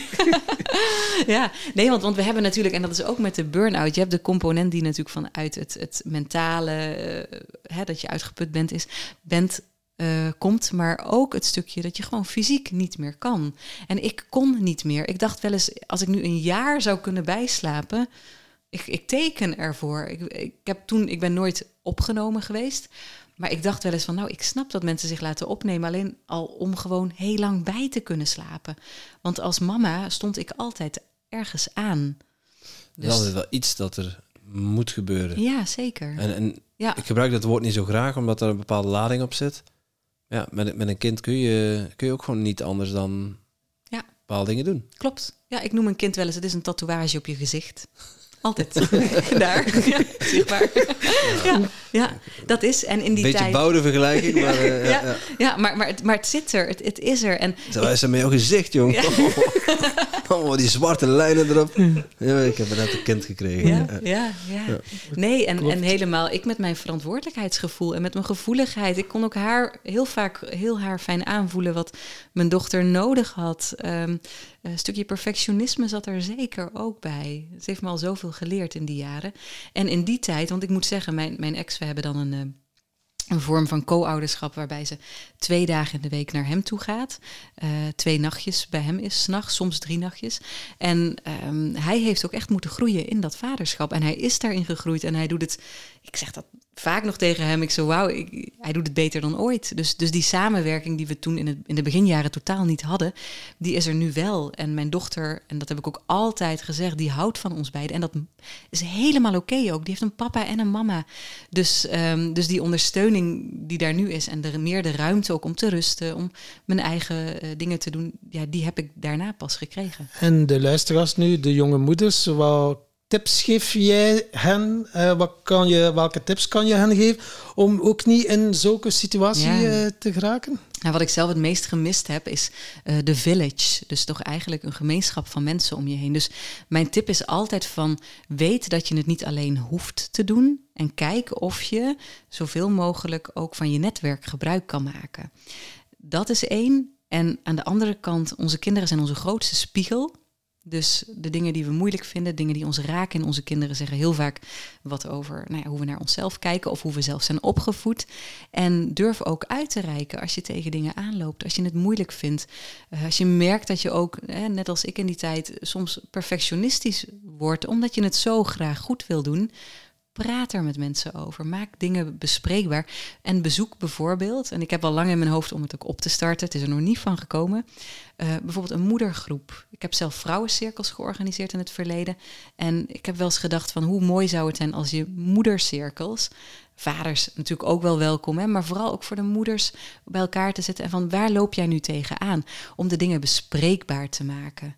En ik ben zelf lid van het tijdschrift. Het heette vroeger Kind, het heet nu Wilde Vrouw. Ik vind dat zo mooi over natuurlijk ouderschap.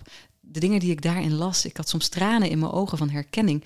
Maar, maar het maakt niet uit of je dat tijdschrift leest of je leest een ander tijdschrift. Maar het gaat erom, eh, zorg dat je je op de een of andere manier gehoord voelt en laat van je horen. Ik denk dat dat de beste tip is. Hele mooie tip. Maar dan uh, zat je er nog met je depressie, uh, burn-out. En uh, ja, tweede poging. Hoe... Mooie combi. En, ja, en, en, maar ja. Je, je, was ondertussen ook nog steeds mama. Dus, ja. En in die tijd stond je er wel alleen voor? Ja. Voor de opvoeding? Ja, hoe, hoe ben je daar mee omgegaan en hoe ben je daar dan uitgeraakt? Ja? Goeie vraag, ja, goede vraag. Nou, en dan komt daar nog bij dat ik eigenlijk na die, um, mijn, mijn, ex gaf aan van ik wil scheiden. En um, dat heeft zo'n half jaar, heeft dat dan een beetje, of ik wil scheiden, ik wil dit eigenlijk niet meer, ik wil liever alleen verder. Het heeft een half jaar uh, geduurd waarin ik dat heb laten inzinken. En toen ben ik een andere man tegengekomen waar ik verliefd op ben geworden. En dat was al heel lang een vriend van mij. En um, nou, dat heb ik toen ingebracht ook bij mijn ex. Zo van jeetje, ik krijg gevoelens voor hem. Ik zei, ik weet waardoor het komt, want met hem kon ik op dat moment heel goed praten. Hij had, hij had een enorm luisterend oor. En ja, hij steunde me op een manier die ik al lang niet meer van de vader van mijn dochter uh, ontving. Dus ik zei, ik weet ook waardoor dit komt, maar ik wil eigenlijk met jou het gezin ja, herstellen. Of hè, die verliefdheid is gewoon ook een, een, teken. En hij had zoiets van, nou, ik ben eigenlijk wel heel blij. Ik hang de vlag uit en uh, succes met, uh, met je verdere leven. Was vrij hard ook wel, als ik eraan terugdenk. Maar zo was het wel. Hij was eigenlijk heel blij dat wij konden stoppen. Dus ik ben vrij snel in een andere relatie terechtgekomen. En die relatie was hartstikke toxisch. Dus dat kwam er ook nog een keer bij. Dus als ik eraan terugdenk, denk ik: oh my god, ik ben dankbaar dat ik hier gewoon nog zit. Uh, maar ja, inderdaad, uh, jonge moeder. Ik was bang om ook bang om alleen te zijn op dat moment. Ik moest ook weer opnieuw beginnen, want ik woonde bij de vader van mijn dochter. Um, we waren eigenlijk afhankelijk vooral van zijn salaris. Dus ik had, ik was moe, ik had eigenlijk geen geld meer.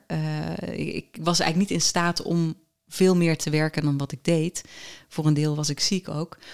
En um, ik, ja, ik had geen huis, ik had geen dak boven mijn hoofd. En begin er dan maar aan. En toen ben ik uiteindelijk in een joert uh, terechtgekomen. Dat werd mijn huis. Joert, voor, de, voor de mensen die niet weten wat dat is? Een tent. een Mongoolse tent. Een VIP-tent. Ja. ja. Ja, inderdaad. Ja, wel een VIP-tent met mooie, mooie ramen. Um, dus ja, dat was de mogelijkheid voor mij om toch uh, financieel te kunnen overleven ook. Ja, en ik, ik heb avonturen meegemaakt. Ik, ik, moet gewoon een boek gaan schrijven misschien. Maar die heeft dan op een plek gestaan een paar maanden. Toen moest hij daar weg. Toen ben ik een paar maanden dakloos geweest. Reizende, nomade met mijn dochter. En daarna kon hij gelukkig weer op een andere plek staan. En daar staat hij nu ruim twee jaar later, fingers crossed, staat hij daar nu nog. Want het is allemaal een beetje gedoogbeleid. En die Ewart, die heeft mij eigenlijk een nieuwe kans in het leven gegeven. Die, die heeft gemaakt dat ik een veilige plek had dat ik het alleen zijn en het alleen zijn met mijn dochter heb durven aankijken. Eh, ik had ook nog nooit helemaal alleen gewoond, want ik was uh, nou, altijd bij mijn ouders en na mijn afstuderen bij mijn vriendje toen. Samenwonen, huisje, boompje, beestje. Daarna in projecten gerold. Dus ik had nooit ook helemaal lange tijd op mezelf gewoond. En daar gaf die Joert mij een hele mooie kans voor. Dus ik heb heel veel tijd doorgebracht op mijn meditatiekussen, bij mijn kacheltje, leren zelf vuur te maken, uh, met klanken werken, um, emotioneel lichaamswerk doen, mijn opleidingen, traumawerk, die ik ook vooral voor mezelf deed. En zo ben ik daar uh, stukje bij beetje ben ik daar doorgekomen. Ook wel lieve vrienden om me heen. Op een gegeven moment de toxische relatie ook verbroken, want die uh, trok mij letterlijk leeg. Ja, dus zo is dat een beetje gegaan, stukje bij beetje. En Live the Connection heeft ook wel wat geholpen. Ja, zeker, hè? Dat zeker. Is, uh, wel iets, uh, voor mensen die het niet kennen, dat is... Uh, ja, jij kan het beter uitleggen ja, natuurlijk. Ja, dat is inderdaad die methode die ik, die ik heb gevolgd. Live the Connection? Ja, Leg ja, uit. ja. Live the Connection is een manier... doet alsof iedereen dat kent, maar Ja. ik heb er nog nooit van gehoord. Dus, eh, Ik deed niet alsof, ik Nee. zeg, eh, leg maar uit. Ja. Het, het, is een, het is een methode om ehm, eigenlijk om te gaan met stress in je leven. Eh, als wij stress doen, hè, dat is volgens mij ook iets wat, wat Edwin Selei eh, ook je vaak zegt. niet, je doet het. Je hebt het niet, je doet het. Maar als wij stress doen, dan functioneert ons brein eigenlijk niet meer. En Live the Connection is een methode om te gaan kijken welke triggers zijn er in je dagelijks leven, waardoor je brein uit verbinding gaat en waardoor je dus stress gaat doen. Vecht, vlucht, bevriesreacties, volgreacties ook. En ehm, door middel van bepaalde protocollen ga je dan eh, de stress ontladen in je lijf. Ehm, ja, er zit een stukje systemisch werk in, waarbij je ook gaat kijken van wat speelt er in mijn familiegeschiedenis, welke patronen doe ik en hoe kan ik die loslaten. Ehm, ja, een stukje trauma-release eigenlijk. En dat heb ik, eh, ja, daar heb ik heel veel aan gehad ook. Ja, dat is heel krachtig. Hè? Nu, Ja. Recent doen we dat nu samen zo, Ja. dat we mensen begeleiden. We zetten het veld. Ik ben dan soms de representant en Ja. zo. En het is ongelooflijk wat resultaten Ja. dat je er eigenlijk mee haalt. Zeker. Want ik eh, ja, ben wel geschoold als hypnotherapeut en zo. Maar als ik zie die Live the Connection, dat is... eh, ja, het is anders, hè? Ja, Eh. Jij ervaart het ook op die Ja. manier, hè? Eén op één of met twee. Dat veld zetten, er gebeuren eh, heel andere dingen. Ja. Ja, ik weet nog dat ik, toen was ik nog wel samen met de vader van mijn dochter. Toen heette het in die tijd nog eh, Psychica, of Psy- Psyche noemen ze het ook wel. Een methode die eigenlijk uit Amerika komt. En de dame die dat in België altijd heeft vertegenwoordigd en daar les in heeft gegeven, heeft het doorontwikkeld op haar eigen manier naar Live the Connection. Maar toen we daar een lezing van bijwoonden, bij Laverna in de tijd, eh, een soort eh, spirituele eh, samenkomst van mensen was dat. Toen zei de vader van mijn dochter van, kijk, volgens mij ga jij dat studeren. Volgens mij wordt dat jouw werkveld. Dus die was daar vrij helder in en dat klopte inderdaad. En toen ik daarmee bezig was, toen dacht ik, wauw, ik krijg nu tools in mijn handen waarmee ik mijn leven zo kan inrichten en creëren zoals ik zelf wil. Omdat ik gewoon doorhad van, alles is in die zin plastisch. Wij kunnen die imprinten die we hebben vanuit jongs af aan. Soms duurt het even, maar we kunnen die veranderen. We kunnen die bril waar ik mee begon, we kunnen letterlijk zorgen dat het een andere bril wordt waarmee we naar de werkelijkheid kijken. Uiteindelijk kunnen we ons af gaan vragen, is er wel een bril, et cetera. Hè? Maar we hebben alle onderwerpen al gehad in de Ja. podcast. Hè? Ja. Ja, je hebt Ja. het over de, die, die neurale paden, over, eh, eh, over de non-dualiteit. Ja, Ja. ja. Ik vind het allemaal super boeiend ook. Maar, maar Live the Connection geeft mij een speelveld waarmee ik met mensen echt kan gaan kijken. En ook in mezelf weer. Want de dingen die- waar ik zelf tegenaan loop, en dat heb ik vooral de laatste jaren ook vaak gedaan. En weer gaan zitten met mezelf. Waarom doe ik dit? Waarom trek ik dan toch zo'n toxische partner aan? Of althans, een partner in een toxische dynamiek. Wat is dat in mij? Zonder dus ook weer, wat jij in het begin zei, zelf in slachtofferschap te vervallen. Van waarom overkomt het mij? Nee, nee, nee. Waar heb ik een haak zitten? Waarom ga ik hierop aan? Wat, waarom resoneert dit met mij? Wat zegt dit over mij? En zo haal ik het allemaal naar mij toe. En kan ik, ja, heb ik een heel mooi speelveld om, eh, om te transformeren in, in, in het systemisch werk, maar ook in het onderbewuste, in het lichaamsgerichte.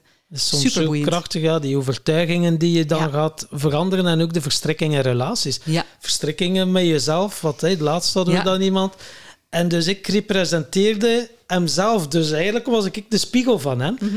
En dat was zo confronterend en ook zo mooi voor hem. Maar ja, ik deed ook maar wat en ik voelde en ik zei en jij faciliteerde. Ja. Het was zo, ja, dat, is, Dat is ook- krachtig, hè? Dat is heel krachtig. Ja. Ik kan mij wel inbeelden, ja, als je je eigen jezelf ziet, dus ik symboliseer hem of Ja. haar. En dan is dat wel zo, wow. Ja, Dan leer je ook heel veel. Want dan dat is dan precies dat je de blinde vlek eh, symboliseert of uitvergroot. Dat Ja. je zegt, Oeh, maar dat ben ik ik. Ja, ja, en dit stuk kan ik eigenlijk nog niet zien van mezelf. Wow. En dan daar op een manier ja, in liefde mee komen. Prachtig.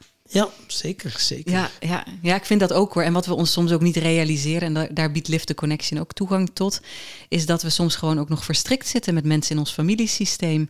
Dingen in de vaderlijn, in de moederlijn. Hoe, hoe gebeurt het al jarenlang in jouw familie? En wat heb je overgenomen? Of sta je wel zelf op je eigen plek? Of heb je een, een plekverwarring met iemand? Of eh, ben je gaan zorgen voor iemand? En dat zijn allemaal dingen die jouw leven bepalen in het huidige moment. Maar nu gaan sommige luisteraars denken, ja, ja, familielijn, gaat jij mijn vader, kan jij mijn vader niet zien of kan jij mijn moeder zien?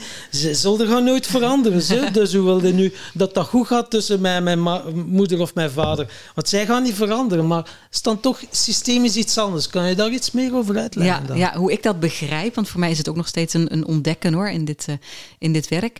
Dat is vooral ook als ik eh, bijvoorbeeld representant ben en ik speel iemands vader of moeder. Ehm, dan heb ik al meegemaakt dat daadwerkelijk die persoon voor wie ik dan, die vader of die moeder, dat die ook verandert. Dat een cliënte zei van, ja, ik kreeg ineens een telefoontje van mijn pa, die heeft al, ik weet niet zo lang, niets, niets meer van zich laten horen. En het was binnen een dag of drie na zo'n balans die we dan doen. Dus dan verandert er toch ergens iets in die persoon. Maar wat er zeker weten verandert, is de relatie die de cliënt die bij mij komt, heeft naar die persoon toe. Want je vader of je moeder kan nog telkens een bepaald gedrag vertonen, wat je eigenlijk super irritant vindt. Hoe jij ermee omgaat en of jij in jouw centrum kan blijven en het bij die ander kan laten, dat bepaalt uiteindelijk hoe jij in jouw leven daarmee omgaat. En dat is ook een van de onderdelen van zo'n balans. Dat is, ik laat bij jou wat van jou is. En ik neem terug wat van mij is. Het gaat erom dat je de lijntjes schoonmaakt, die, die er nog lopen tussen, tussen mensen eigenlijk. En dat is heel eerlijk en ja, Ja, dan is eigenlijk het veld, het is energie allemaal, als ik het dan goed begrijp. dat sowieso. Dat ja. is het Ja, sowieso. Ja, en, ja. eh, en ja, op de plaats staan we, dat is eh, een goed boek, is De Fontein van Hans Ja, van Stijn. prachtig. Van, eh, Ja. ja, als je niet op de juiste plaats staat, ja, Ja. dan kan het ook niet stromen. Nee, klopt, klopt. En dat gebeurt heel vaak uit verstrikkingen die ook ontstaan vanuit ehm, loyaliteiten. En loyaliteiten, ik zeg altijd, er zit altijd liefde onder uiteindelijk. Kinderen naar hun ouders. Als, als eh, papa niet lekker in zijn vel zit, je gaat als kind ergens je best doen of een stukje zorgen om ervoor te zorgen dat, eh, ja, dat je oftewel minder lastig bent of dat je toch kan helpen. Het gebeurt bijna altijd uit liefde uiteindelijk dient het niet meer, hè, zo'n dynamiek. Dus, dus. En dat die laagjes afpellen en mensen daar inzicht in krijgen, ik vind dat prachtig. Geven, dat, dat ja, vind ik prachtig. Ja, ja, ja. Ja. Maar je was dan, eh, je had jezelf wel losgeweekt van die toxische relatie. Ja, Dan eh, een tijdje op jezelf wonen in de youth. Ja. En dan ben je met de volgende toxische relatie begonnen. stond er een vraag achter of was het een constatering? Ik laat hem even open. nu. Ja. Ah, nee, toen, ehm, nee, toen kwam Tom op mijn pad. Ja. Nee, maar, maar ehm, Ik heb wel al wat toxische stoffen gebruikt, ja, dat klopt. Ja. nee, eigenlijk in tegendeel. In tegendeel. Ik zeg dat wel eens vaker, eh, ook tegen Tom anderen en tegen Tom. zegt. Ja, ja, ja. ja. ja maar ehm, nee, de relatie met Tom die voelt voor mij eh, eigenlijk als zo helend en als zo anders dan anders. En we zijn nu vier maanden, geloof ik, ja. eh, samen. En, En, 10 dagen, 18 uur en eh, 37 minuten en Ja. 20 seconden. Ja. Kijk, ik ben echt zo blij dat jij die taak op je hebt genomen om dat bij te houden. ja, nee, maar, maar de verbinding met jou, die, ehm, ja, die is ook niet ontstaan vanuit een, ehm, een verliefdheid die helemaal alle kanten op ging. En ik kon niet meer aan je denken en je bent alleen maar in mijn gedachten en je zit in mijn da, da, da. Want dat ken ik. En meestal zijn die beginnende relaties of verbindingen, nou, dat zijn gewoon spiegels van iets wat ik in mezelf miste. En bij jou voelde dat veel meer als een maatjeschap, als een, als een soort diepe vriendschap, een soort diepe liefde, eh, in gelijkwaardigheid elkaar ontmoeten. Ja, dat is wel eh, Ja, inderdaad... En, en voor Ja, jou? Ja, Ja, ik, had, ik denk het in een vorige podcast heb ik zo wel al even verteld. Ik denk eh, dat we ja, lot heeft ons wel bij elkaar gebracht. Ja. De eerste ontmoeting, eerst via Facebook, een tekst waar ik op reageerde. Dan stelde je voor, ah, willen we een keer gaan wandelen de week daarna, de woensdag. En dan twee dagen ervoor ga ik gaan eten met, eh met Marijke, een soulmate, en ook mijn vrouw geweest voor eh, elf jaar.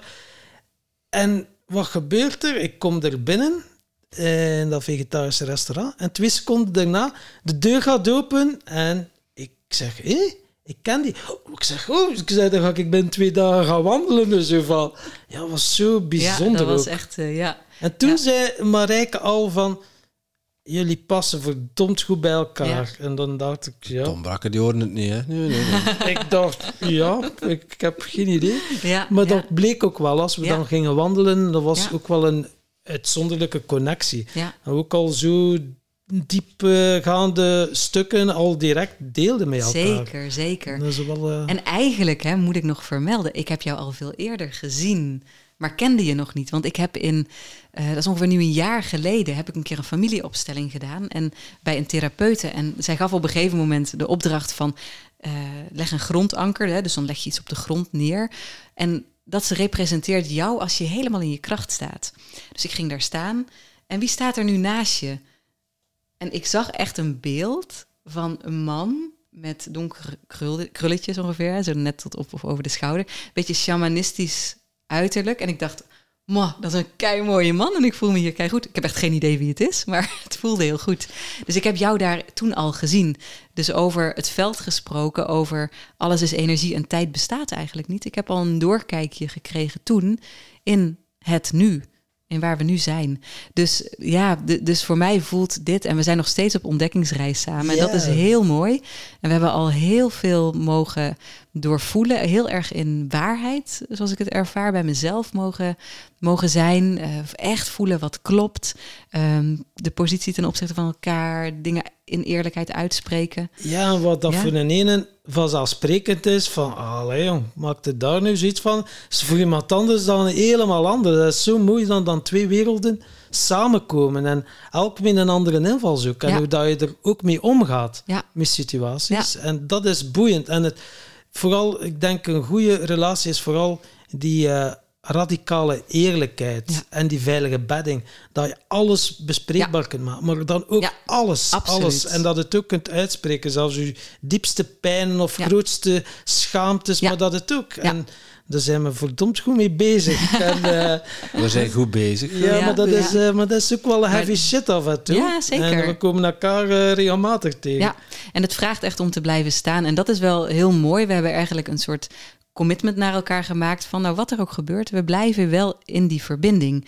En dat is voor mij wel een hele grote sleutel.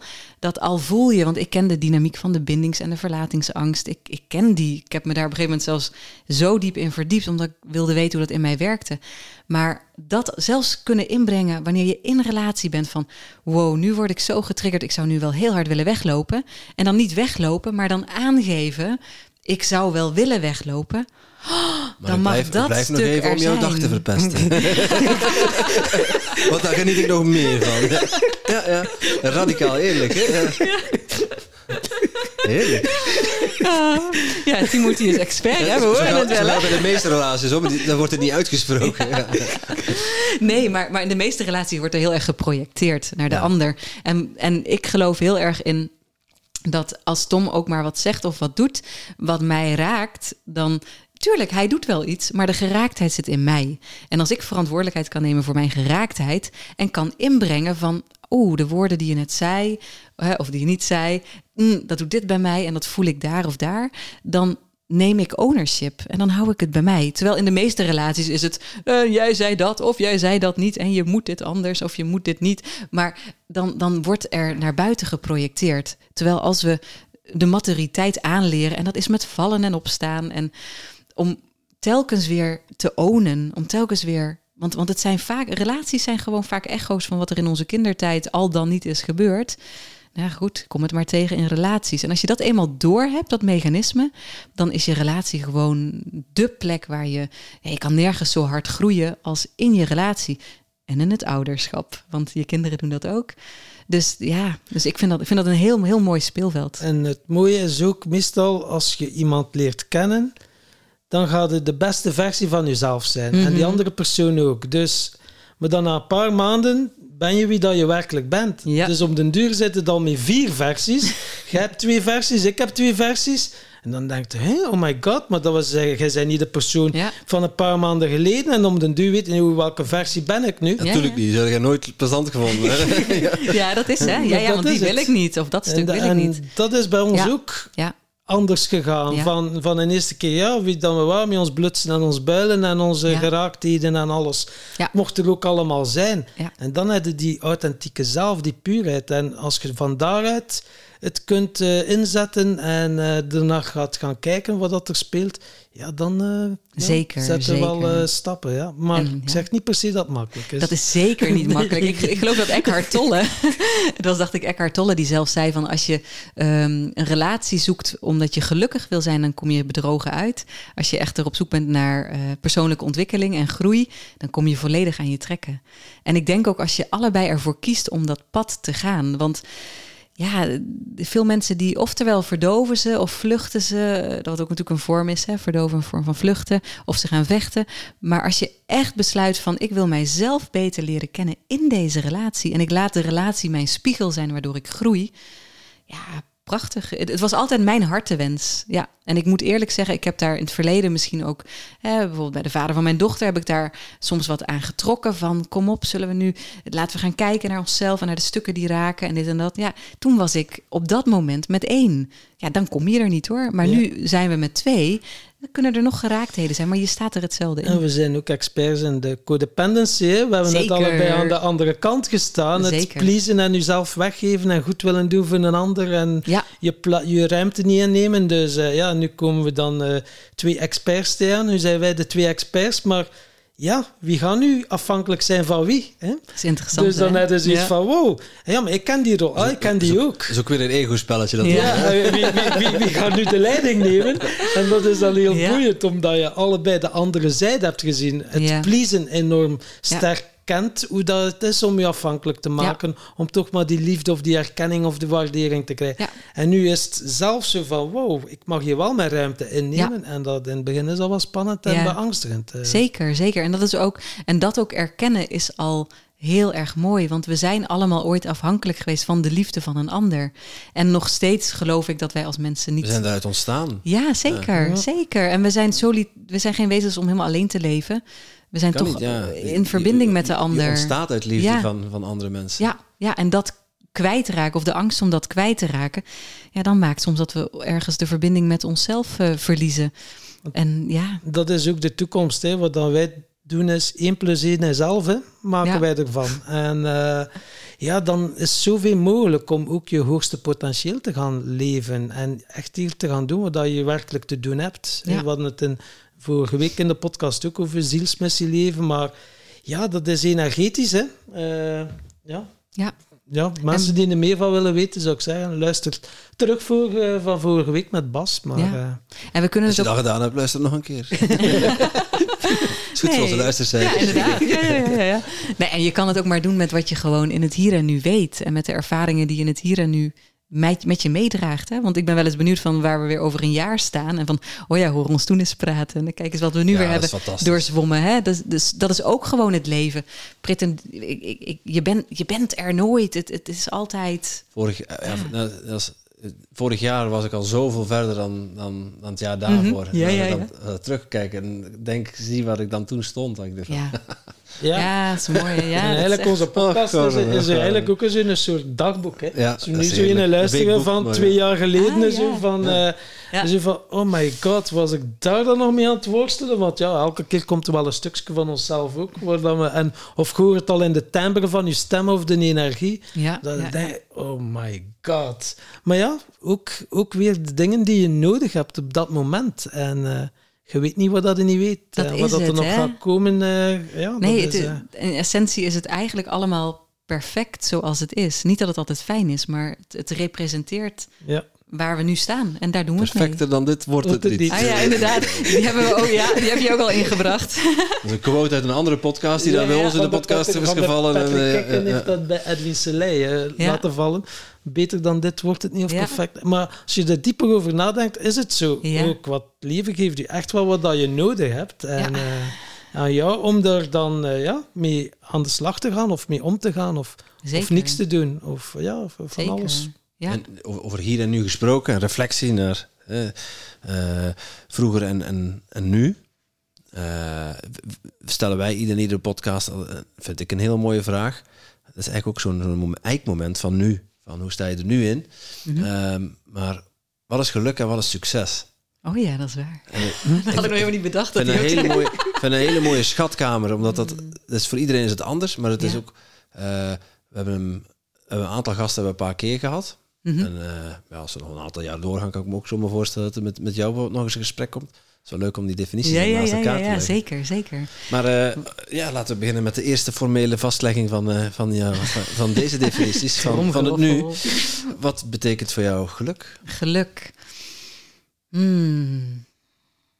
Het eerste wat in mij opkomt is, ge- geluk is voor mij dat ik samenval met de stilte in mezelf. Daar zit mijn geluk. Dat ik in dit huidige moment helemaal aanwezig kan zijn met wat er is. Dit. Mooi. Je, wordt er, je zou er stil van worden. Dat is heel mooi. Ja. ja. Samenvallen met de stilte in jezelf. Ja. Heel mooi, ja. En eh, ja, geluk gaat hand in hand met succes. En wat is jouw definitie van succes? En succes is dan vanuit die stilte bewegen. Dus eh, eerst het stilvallen met mezelf en dan vanuit die plek de wereld ingaan. En dan ontstaat daar hetgene wat ik succes noem. Dus dat een soort ehm, living love in action of zo. Misschien is die van iemand dat ik hem nu pik, maar dat zo voelt het dan. Dat ik eigenlijk zelf het voertuig word van de liefde in de wereld. En dat ik dat veld mag delen in elke situatie waarin ik gewoon ben. Eigenlijk eh, hangt het ook samen met dat, met dat ik ben, die I am presence.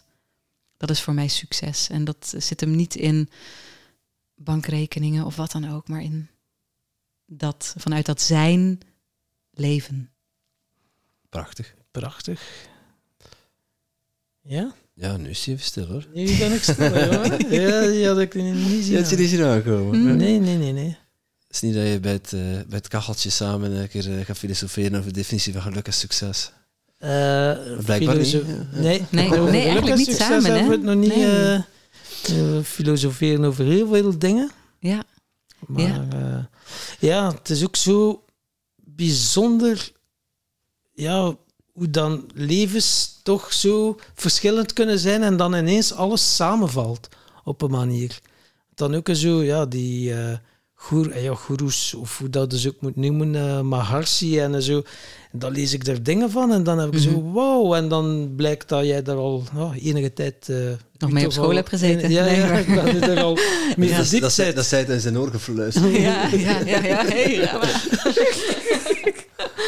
Nee, klopt. Ja, ja, ja die Advaita Vedante. Ja, ik, we hadden het er nog over. Hè, dat, ja, dat zijn allemaal dingen die zo stilletjes aan op mijn pad zijn gekomen. Ik weet nog dat ik, ik geloof dat het ook 2012 was of zo, of 2013 denk ik, dat ik eh, met Rogier Hoefnagel, iemand eh, uit Nederland, eh, die, die al jarenlang met die Indiase goeroes bezig was en masterclasses gaf over, of geeft misschien nog, over het zelf. Daar zat ik toen ook gewoon mee te lunchen en dan hadden we het daarover. Maar meestal waren we gewoon stil en in de presence en in de aanwezigheid. Want ja, ik weet niet, dat is al, dat is al heel lang inderdaad op mijn pad. En de leringen, uiteindelijk zie je, het, het komt eigenlijk altijd weer bij hetzelfde uit. Het komt altijd weer bij die, bij die essentie uit. Want bij heel veel mensen die denken aan spiritualiteit, denken dan bijvoorbeeld aan een Eckhart Tolle.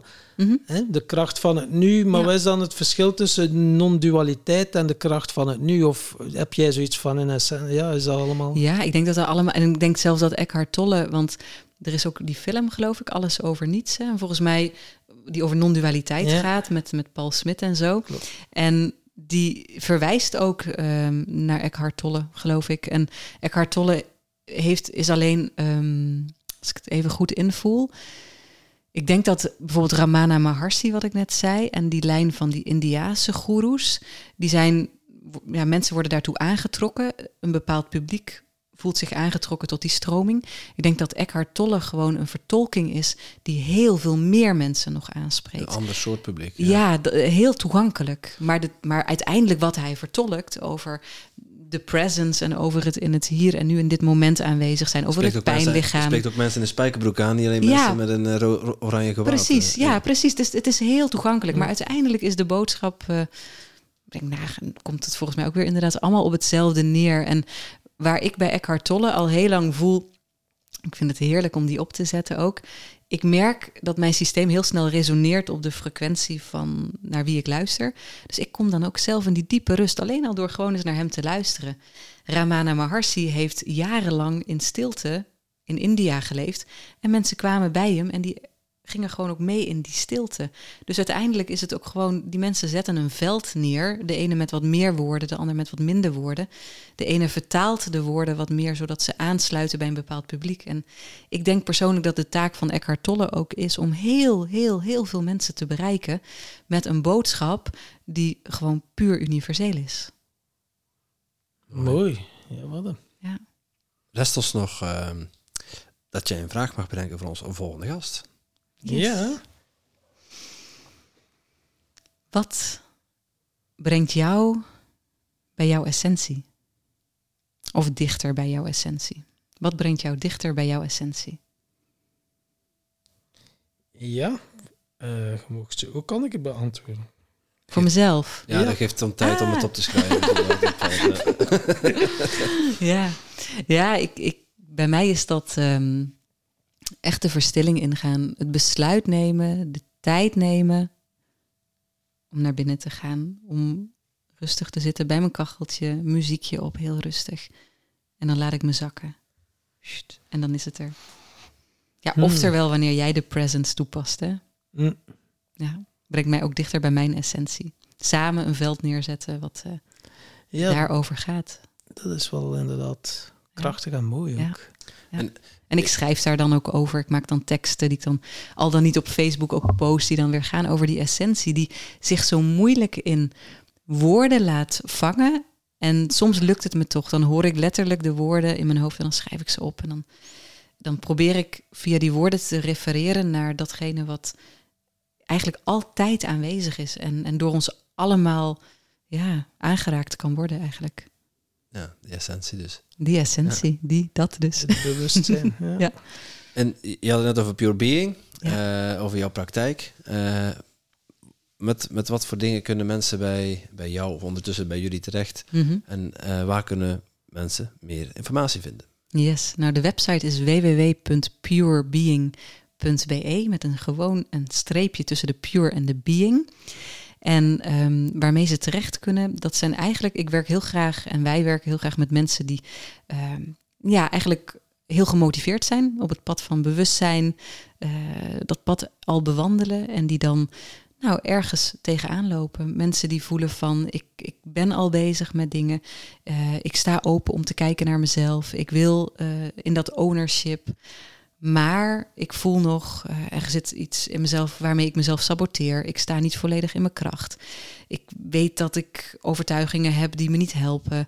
Of ik loop telkens vast met die of die mensen. En ik ben nu op punt A en ik wil naar dat punt B, maar ik, ik raak er niet. Ja. Op wilskracht alleen lukt het niet. Zeker er is iets anders dat mij niet. tegenhoudt, Ja. eh, omdat daar uh, wat klaarheid en helderheid in te scheppen. En dan hou ja, ik vind het zo leuk om dan uh, detective te gaan spelen en om te kijken van waar zit het hier en, uh, en ook op een, op een niet al te zware manier. Dat Nee, kan ook luchtig, luchtig zijn. want ja, Ja. eh, Ja. de mensen die mij Pink kennen... Panther-style. eh. Ja, Ja. mensen die mij kennen, eh, ja, dat is eh, serieus. Het is de meest ernstige ziekte van deze tijd. Ja, Dan moet je wortel en al uittrekken. En dat wil ik ook wel, ja, dat is ook wel wat ik hier te doen heb. Is luchtigheid geven aan de mensen. om, Onkruid eh, wieden. Ja. dat, dat, dat, Binden laten. dat is wat je echt goed is, hè? luchtigheid scheppen. En eh, Ja. ja. het is wel een belangrijke tool ook. Je moet niet Ja. alles in het belachelijke trekken of eh, sowieso niet. Maar ja, weet je, we hoeven het ook allemaal zo serieus niet eh, nee, het, naar het te is ook heel mooi wanneer we gewoon kunnen zien dat, hoe zwaar het ook is in het leven, dat sowieso alles tijdelijk is. En dat dingen altijd veranderen. En dat wij kunnen ondersteunen in waar het naartoe verandert. Ja, heel mooi. Ja. Prachtig. Gaan we hem afronden. Dan gaan we hem afronden. Yes. Dankjewel, Danielle. Jullie ook Dankjewel, bedankt. Danielle. Ja. En jij natuurlijk ook super bedankt om te luisteren naar deze podcast. Voel jij je geïnspireerd? Je zou ons een enorm plezier doen door ons 5 sterren te geven of een review achter te laten in jouw favoriete podcast-app. En wil je geen enkel inspiratiemoment missen? Abonneer je dan op onze podcast of volg ons op social media at Tim Tom Podcast. Oké, dan moet je weer terug aan de Tom. Hè?